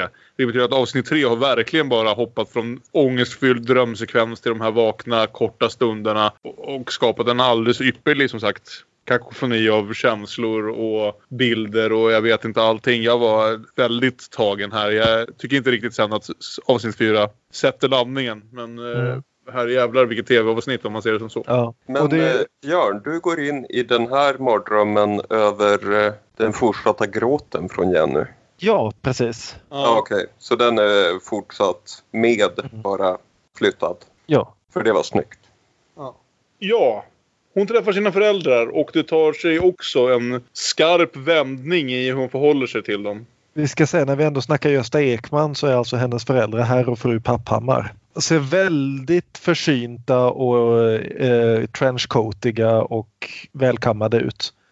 Och hon försöker förklara för dem att det var så konstigt när ni försvann men det var ingenting, men det är ingenting farligt. Jag är inte nio år längre. Jag är vuxen nu. Jag kan hantera det här. Mm. Men det kan hon ju inte alls. Nej. Nej, nej, det här var bara... Jag har svårt att ens komma på några bra kommentarer av det men det här var jag verkligen helt inne och eh, för liv, livs kapacitet. För det är väl lite som, som vi sa där, det där citatet som Björn läste i början. Att visst, hon måste ge sitt allt till en nästan absurd grad i den här filmen. I can't go on. No food, no water. It's all my fault. We're done for. It's got me. I can't stand it. No food, no nothing. No food, no water. No food. What's the matter with you anyway? There's New York. We'll be picked up in a few minutes. You had to open your big mouth and ruin the only good scene I got in the picture. I might have won an Academy Award. Men det felet ligger ju inte hos henne. Det li- ligger hos hur, hur Ingmar har skrivit allting. Liksom. Mm. Att det blir lite kaka på kaka till slut. För det blir väldigt mycket av de här känslovändningarna. De här ja, viskningarna och ropen. Och, och scener de verkligen måste spela upp till max. Och jag tycker... till max. ja. Men jag tycker inte det ligger hos Liv. Jag tycker Liv gör allt man kan förväntas göra av det här. Jag tycker hon är precis jävla strålande. Och sen så brister materialet lite här och där. Ja, det, det är för mycket utav det. Det är väl Ja. problemet. Mm. Så man orkar inte bli lika skärrad varje gång. Efter ett tag tittar man bara på och känner inte så mycket längre. Det kan ju hända att det hade haft en lite annan effekt om man faktiskt, som man förmodligen borde ha gjort, såg ett avsnitt i veckan i fyra veckor istället för att trycka in alla fyra på en Ja. dag. Ja. Men, ja. Jag såg ett på morgonen och tre på eftermiddagen. Räcker inte det? Kommer nästa mardröm då nu i eh, avsnitt fyra för er eller? Vi ska se hur avsnitt fyra börjar. Ja, det stämmer. Men Ja. eh, det avsnitt fyra, eller akt fyra som det heter, återkomsten börjar med att Thomas pratar om, eh, om sitt självmordsförsök. Okej. Det är inte med i filmen. Det är så? Så är det nog ja. Han berättar om när han blev övergiven så, så körde han sin bil ner i en lavin. Ravin. Ännu bättre. Han körde sin bil ner i en kamin. Ja. Han körde ner sin bil i farin. Ja, vad, vad hände sen? Jag körde min mun i afasin. Han håller en ganska fin monolog om att vi alla är förvuxna barn känslomässigt. Plågas hela tiden. Pratar om att världen, ja visst, han kan se att det finns en del vackert och det är bara ledsamt att jag tycker det är ett skithål, konstaterar han. En ganska fin monolog av trevliga Thomas. Och om den är bortklippt så är den ju också orsaken till att allting har behövt förskjutas i jämförelse med filmversionen. För drömsekvensen som kommer sen efter det är väl en av de... Alltså all, all, det är otroligt faktiskt att han har hittat uppslag till så här många olika drömsekvenser som alla tycker jag fungerar ganska jävla starkt. Ja. Eh, drömsekvenserna är i de flesta fallen starkare än dialogscenerna däremellan. För nu kommer en helt rödklädd liv in här och jag kan ju bara tänka mig hur imponerande de här färgerna skulle varit i en bra restaurerad kopia av filmen. Mm. Kommer in och finner sig själv död, liggandes i en något, något ljusare nyans av röd. Här såg jag kopplingen till smultronstället. ja. Inte lika långsökt som den snygga du lyckades med tidigare. Nej, den är ganska uppenbar den här kopplingen. För hon Ja. ser sig själv ligga i en eh, kista och som den proaktiva människa hon är så gör hon inte som Isak Borg och titta, bara titta på utan hon lägger ju på locket och spikar fast det. Jajamän. Och sen sätter hon eld på kistan. Medan hon ser ypperligt glad ut. Ja, Oerhört glad ut. Ja, Demoniskt glad. vi får en väldigt demonisk scen här där hennes ansikte dubbelprojicerats ovanpå några väldigt, väldigt pigga lågor. Samtidigt som man hör henne banka och skrika inifrån kistan. Ja, det här var jävligt häftigt ändå. Ja. Jag älskade det här. Ja, fy fan. Det här var starkt. Det Ja, kände jag. Äntligen en levande begravd scen i en Bergman-film.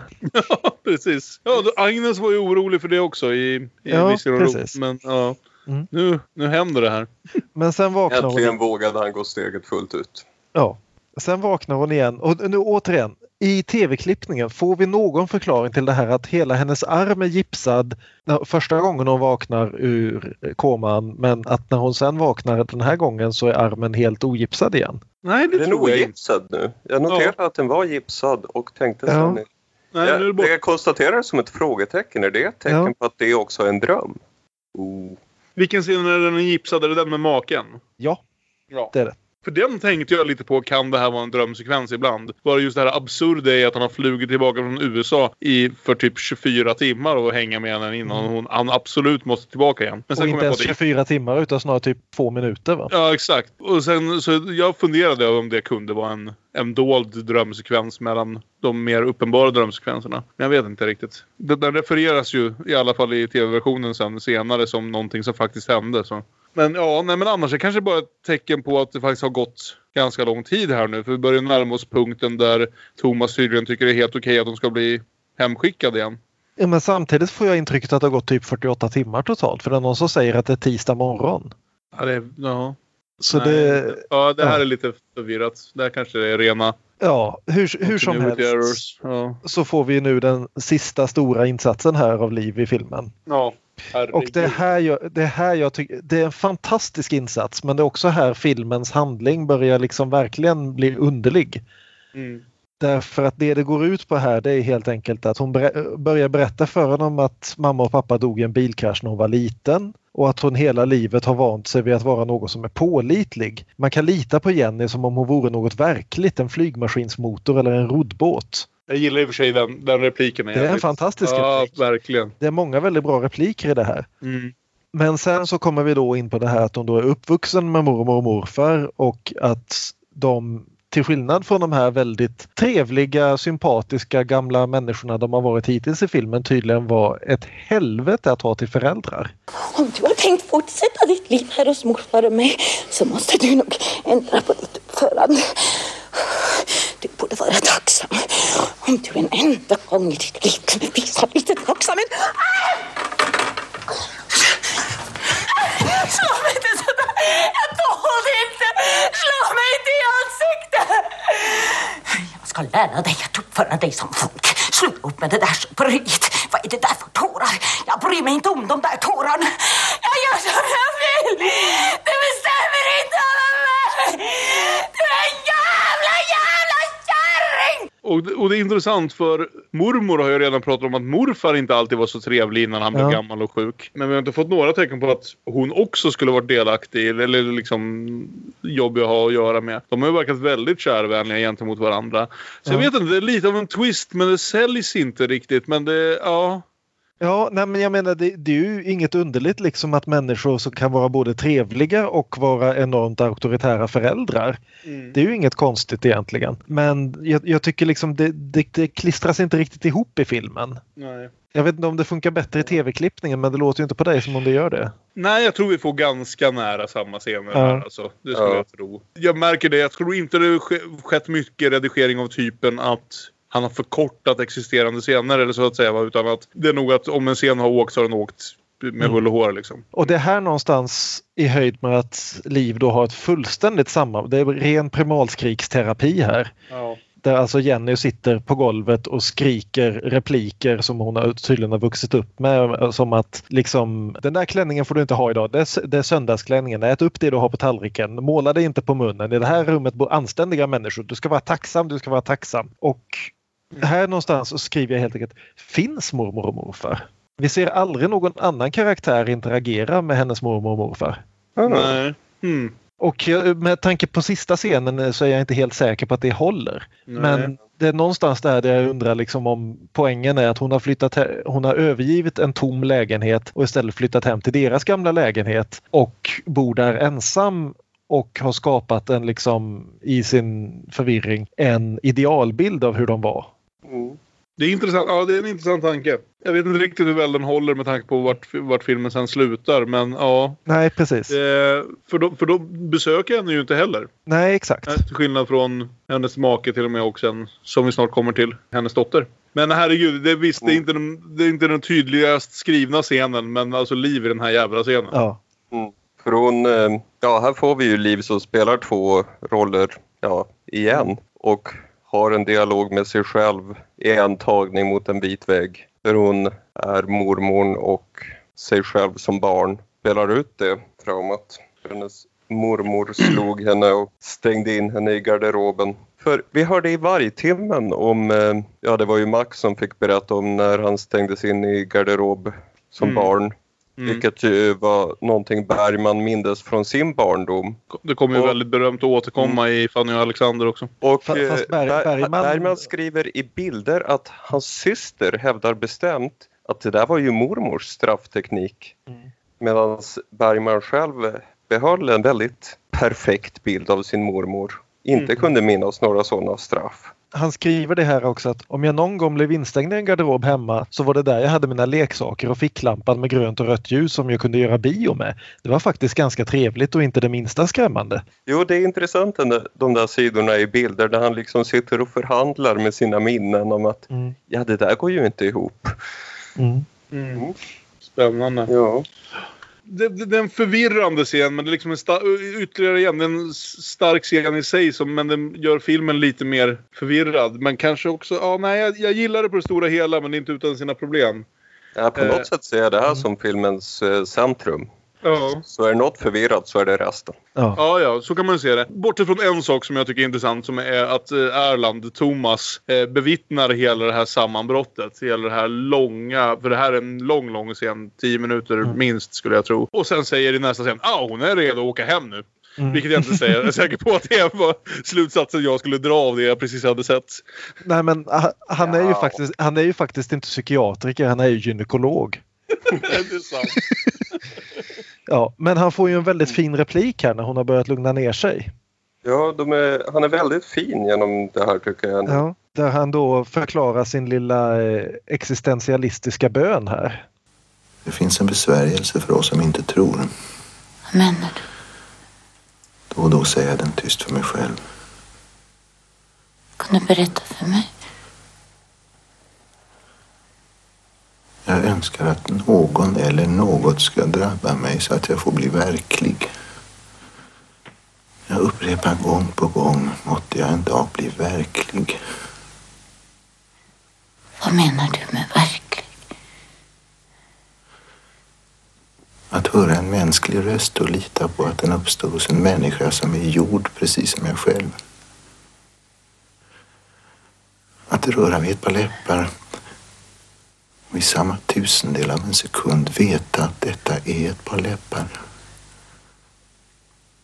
Att inte behöva genomleva det ohyggliga ögonblick som behövs för att min erfarenhet ska kontrollera att det jag känt verkligen är ett par läppar.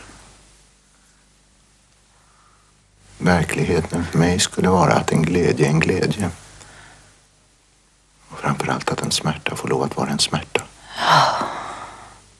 Och där är vi ju tillbaka vid Siv Ruds definition av lycka. Mm. Precis. Och det är intressant att det kommer tillbaka så när Siv Rud var... Ja, det kändes inte som att hon var det moraliska centrumet i filmen när vi såg henne. Men sen när jag tittade om för, eh, för att ha lite koll på filmklippningen och såg den scenen igen så betydde den ju något helt nytt. Mm. Nu knackar det i alla fall på dörren och in kommer en sjuksyster och förklarar att Thomas klocka går ju fel. Det är inte alls klockan fyra längre utan det är ju mitt på, mitt på förmiddagen nästan klockan är åtta.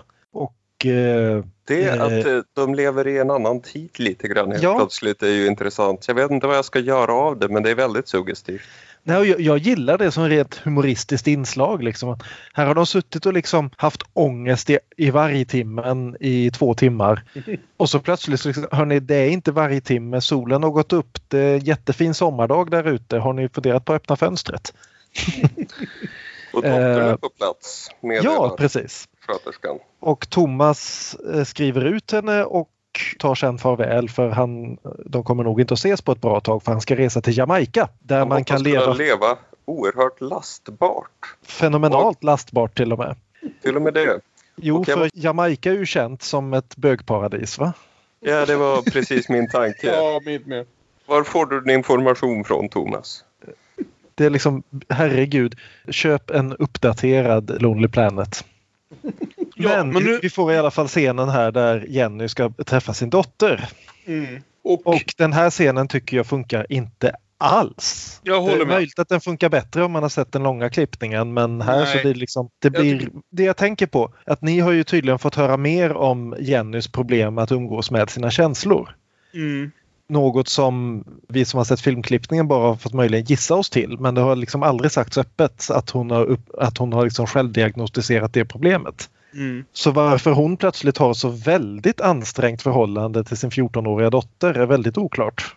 Ja, nej precis. Det, det är nog den biten som kanske saknas. Men den här scenen funkar ändå inte riktigt för mig tyvärr. Och det är lite synd för den ska ju någonstans vara det känslomässiga klimaxet. En del i det är nog att det känns lite nästan tillgjort precis hur, hur brutal den här vändningen ska vara. Det andra är att den här unga skådespelerskan inte riktigt kan leva upp till, till Livs kaliber. För vem kan det? Men hon, hon är lite platt här tyvärr. Jo. De är lite lika så man förstår castingen. Absolut. Men, men hon var bättre när hon inte sa något i Trollflöjten. Precis. Men den slutar i alla fall med att eh, ja, men hon berättar för sin dotter att hon, vad det är hon har försökt göra. Hon håller fast vid det här från det här självmordsbandet som hon spelade in. Att berätta allting för henne om vad det är jag har gjort och varför jag har gjort det. Vilket jag tycker var starkt. Men sen vändningen efter det blir lite tveksam. Ja, hennes dotter inte är intresserad av att liksom förlåta utan bara kommer du att göra det en gång till? Hur ska jag kunna lita på dig? Vilket är en fullt rimlig fråga men Liv reagerar liksom med att skrika åt henne att du begriper ju ingenting! Fan är du ett barn eller? Och hennes Ja. dotter säger du har i alla fall aldrig tyckt om mig men jag klarar mig själv och går. Ja, nej. ja, Det är som, mm. var, kom det här ifrån? Var, när när Ja. blev det här en del av handlingen? Nej, jag håller med. Det, det är lite mer underbyggt när man har hört det här bandet. Men, men det är ändå inte ett tillräckligt starkt klimax liksom. Utan det är, ah, det är synd. Det faller lite platt. Klimaxet för Livs historia var på något sätt egentligen i den här långa scenen tidigare med Erland. med Det stora sammanbrottet. Mm. Men äh, äh, äh, vad, man behövde på något sätt något med dottern här till skillnad från det senare äktenskap för att bara komma ihåg att hon fanns där och att det var ett förhållande som var viktigt för henne att uppehålla. Men Jo, men det, det, det känns så on... det, det känns nästan som om Bergman som eftertanke. Just visst fan! Hon Ja, har barn. exakt. Barn är något man enligt de senaste vetenskapliga rönen ska bry sig om. Och Precis. fan, jag måste stoppa in en scen med barnet också. ja, nej, det, det, jag håller med. Det är lätt malplacerat. Jag hade nog kunnat hantera den här scenen eller en variant av den här scenen lättare om den hade kommit någonstans mitt i den här sekvensen när vi gick från drömscen till liksom besök eller i, i den verkliga världen och så vidare. Här ska det på något sätt verkligen vara avslutningen för allt det som Jenny har gått igenom och Nej, tyvärr. Nej. Det, det, det är synd att det snubblar på det sättet. För jag tycker vid det här laget att filmen har varit alldeles enormt bra i åtminstone en timme. Mm. Så, så det är synd att det händer och händer här. Ja. Men så istället så åker hon hem till mormor. Ja, och här finns ett väldigt viktigt inklipp som ni inte fick i tv i Okej. filmklippningen. Nämligen att hon går in i den här trappan igen och möter återigen den här sorgeklädda gamla damen. Ah.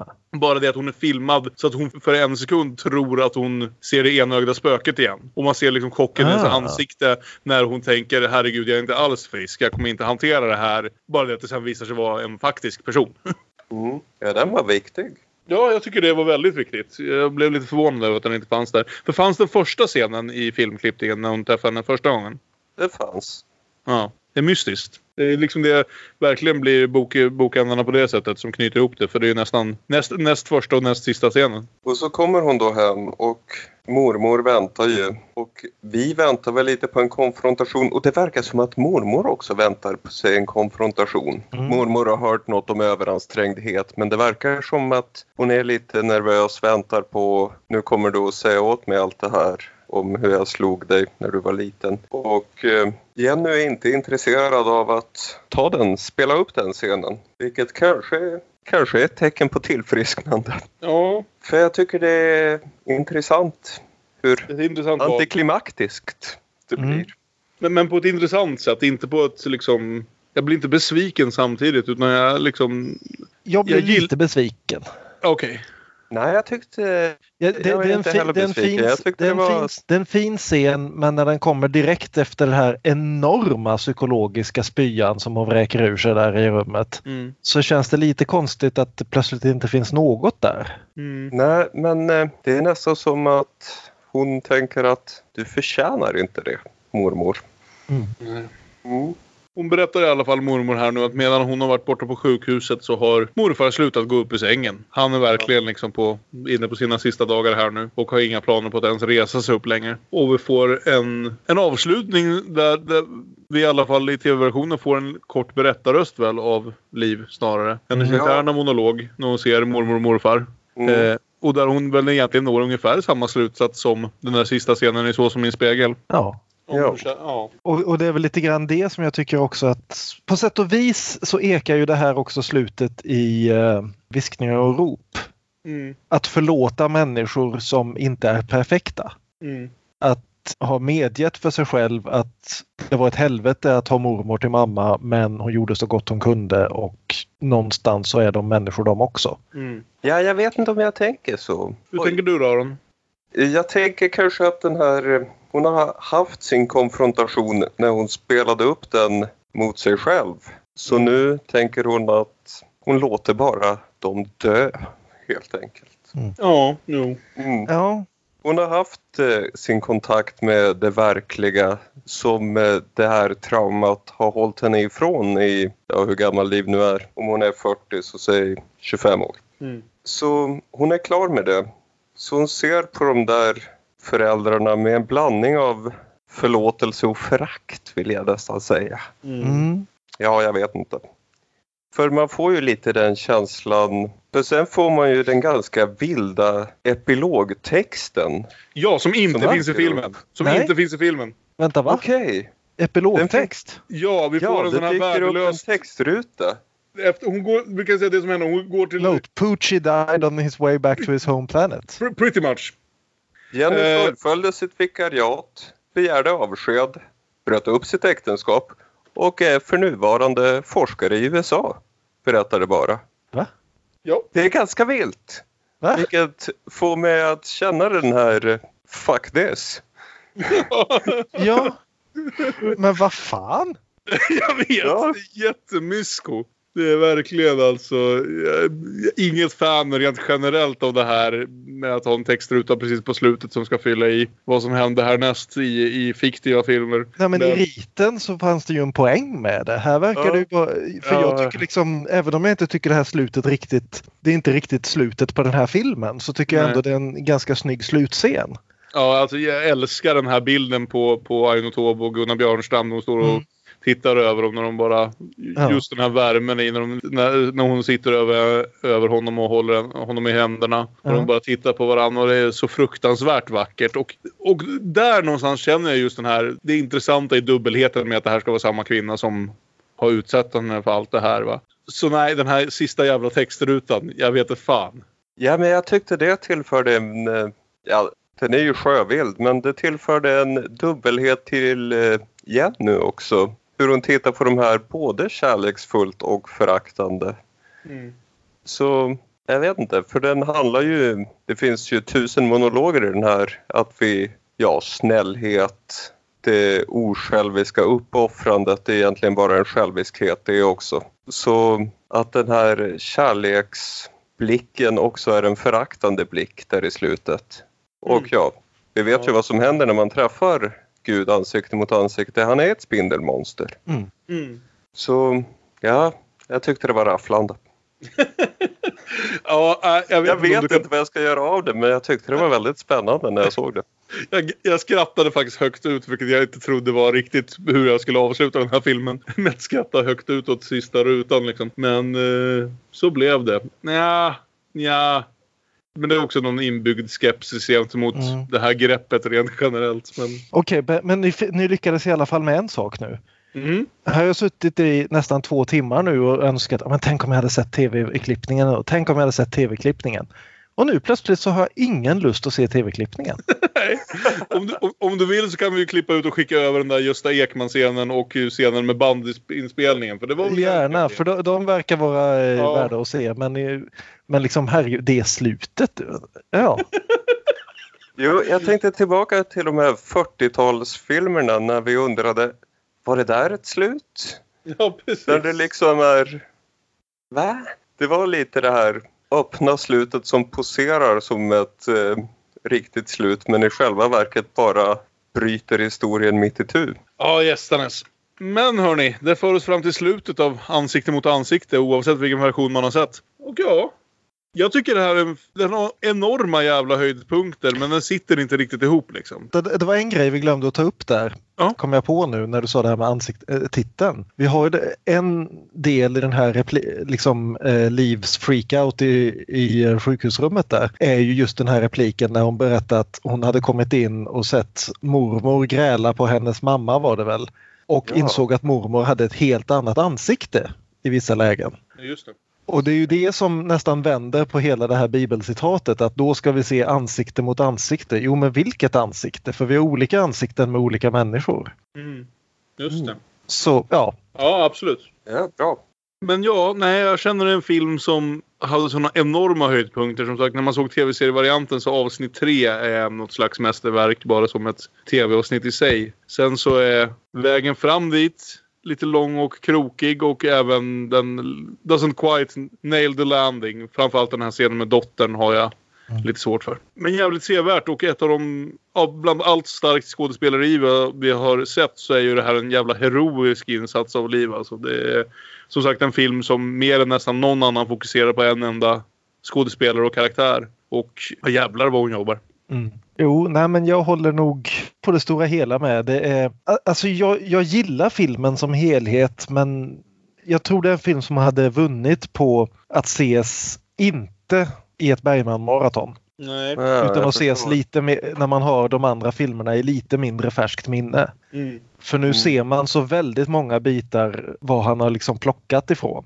Mm. Den, den, den känns vä- väldigt, som jag sa i början, liksom att det, det är en greatest hit-spelning det här. Vi, vi kan många av de här bitarna och de nya grejer han stoppar in här som ändå är rätt intressant. Just hela det här temat med att leva nära sina upplevelser och, och allt det här. Han stoppar in det någonstans mitt i en gammal kontext. Så det får, det får inte riktigt lyfta ordentligt. Det, det, filmen känns stressad.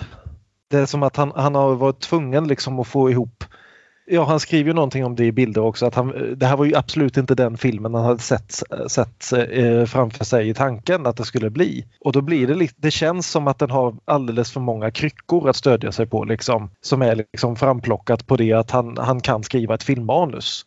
Mm. Liksom han började som eh, ja, som scriptfixare liksom och det finns ingenting han inte kan rädda upp till ett hyfsat manus. Men att han har en del scener som han verkligen vill få in och han tvingar dem in i någon form av handling. Och eh, han gör det så pass jävla bra så att det blir en bra film men det hade kunnat bli någonting helt fantastiskt ifall han kanske hade tagit två år på sig och tänkt igenom saken. Mm. Ja, men det känns ganska Eller rättvist. gått på ren instinkt och inte tänkt igenom saken. Ja. Och man hade levt nära sina erfarenheter eller vad det nu var vi kom fram till att vi skulle göra. Mm. Men ja, hörni, det för oss väl fram till eh, slutet av vår diskussion om ansikte mot ansikte. Vi tog ju oss i alla fall igenom en, en tre timmars film på två timmar istället för... Vi brukar ju ibland kunna spendera två timmar på en en och en halv timmes film, så bra jobbat. Men innan vi lämnar er den, denna vecka så borde vi väl köra en omgång dubbelbull, eller vad säger ni? Det är alltid kul med dubbelbull. Dubbelbull, dubbelspel, parhäst, filmfest. Ja, ska vi starta hos Aron den här veckan? Vad vill du para ihop med ansikte mot ansikte? Jag tänkte para ihop ansikte mot ansikte med eh, Ghost Stories från 2018. Eh, brittisk horror. En sån här callback till de gamla episodhorrorfilmerna. Så det är fyra avsnitt. Ja, den klassiska ramberättelsen. En, en skeptiker ska avslöja dessa övernaturliga händelser som fuffel och båg. Regisserad av Andy Nyman och Jeremy Dyson. Och ja, det är lite det här mardrömssekvenser med öar och verklighet emellan. Och den har en bi vissa bitar som jag minns med stor glädje. Det är inte världens bästa film, men det är en bra film och den har vissa scener som, som fick mig att tänka lite på ansikte mot ansikte. Mm. Som jag dock inte kan spoila om, tyvärr. Okej, toppen. Björn? Jag är väl inne lite grann på samma. Det, det här är en film som gärna låter para ihop sig med skräckfilmer. Mm. När jag tänkte igenom saken. Även om jag ett kort tag var inne på att para ihop den med The Wall. Mm, okej. Men eh, så min dubbelbull är då Kim Ji-Woons A Tale of Two Sisters. Aha, yes. Som jag inte har sett på alldeles för länge men, men det är också en film som handlar om en lite trasig familj, om tonårsdöttrar och om att inte riktigt veta var verkligheten slutar och drömmen tar vid. Där vi då har två stycken systrar som flyttar hem till sin pappa efter att deras mamma har dött och eh, plötsligt så börjar det här fina huset, hemtrevliga huset de bor i att bli en mardröm. Mm. Och eh, mycket mer än så ska man egentligen inte veta om den här filmen för det är verkligen en film som vinner på att inte veta exakt vad som händer. Men det är också en väldigt snygg film, en väldigt stilsäker film. Mm. Och en, en sån här film som verkligen använder mardrömssekvenser enormt effektivt. Mm. Så att man hela tiden går omkring och undrar vad som händer och vad som inte händer och egentligen aldrig får något helt tydligt svar på det. Mm. Så eh, ja, Ja, toppenfilm. Verkligen. Jag har inte heller sett den sedan den var ny, vill jag påstå. Men eh, nej, det var en höjdare vill jag minnas. Jag den här veckan fortsatt ja, bestämde mig för att para ihop ansikte mot ansikte med ett annat starkt kvinnoporträtt av en kvinna som behöver hantera sin mentala hälsa, lite annorlunda sexuella begär, sexuellt våld och eh, till viss mån självskadebeteende. Och jag tänkte rekommendera för de som orkar med det att se Michael Hanekes Pianisten från 2001 med Isabelle Huppert. Eh, som jag tycker är en av, ja jag vågar nog säga, jag tycker nog det är Hanekes bästa film av dem jag har sett. Jag skulle vilja säga att det är en av de bästa filmer som har gjorts sedan millennieskiftet. Jag skulle också vilja påstå att det är en film som man inte har någon särskild lust att gå tillbaka till när man väl har utstått den en gång. För det är en jobbig film att se på alla rätta sätt. Den är jävligt stark. Den eh, har skådespel som, ja, matchar Liv Ullmans i Ansikte mot ansikte, vilket inte vill säga lite. Och eh, jag kommer aldrig att glömma den, men vi får väl se när jag känner mig redo att återvända till den. Det kommer nog att ta ett tag. jag tänker det där gäller väl nästan för alla Ha- Hanekes filmer va? Ja, det är ju inte liksom... Några av dem är mer... Jag kan tänka mig att man skulle... Jag skulle ha lättare att återvända till någonting som typ Caché som ändå har visst väldigt starka scener men inte är riktigt lika brutalt plågsam och samtidigt har ett visst pusselelement som gör att man nog faktiskt skulle kunna behöva se den rent plottmässigt en andra gång bara för att lista ut vad fan var det som hände där egentligen. Men jo, han, eh, han är någonstans lite kungen på att få något att må jävligt dåligt när man Mm. kommer ut från, om det nu är bion eller ska gå och lägga sig efter att ha sett filmen på TV. Vad fan är det för fel på österrikare egentligen? Mm. Ja, nej men så det är min rekommendation för de som kände att de inte hade liksom behövt utstå no- nog med psykologiskt våld efter ansikte mot ansikte. Så tipsa om lite mer sånt. Av eh, nästan ännu högre kaliber. Men med det så avslutar vi veckans avsnitt av Demonpodden. Hur är Aron? Har det komponerats någon musik denna vecka? Ja, vågar jag lova. Som alltid kan ni nå oss via sociala medier. Vi är at Damonpodden på Twitter och på Instagram. Vi är Damonpodden med Ä på Facebook. Man kan mejla damonpodden at gmail.com. Och så hoppas vi att ni har tyckt om det här avsnittet och återvänder till oss nästa vecka när vi ska diskutera Ormens ägg i sällskap med vår vän David Silén som återvänder från avsnittet om nattvardsgästerna. Ha det så bra tills vidare, så hörs vi. Hej då. Hej! Hej då! Thank you.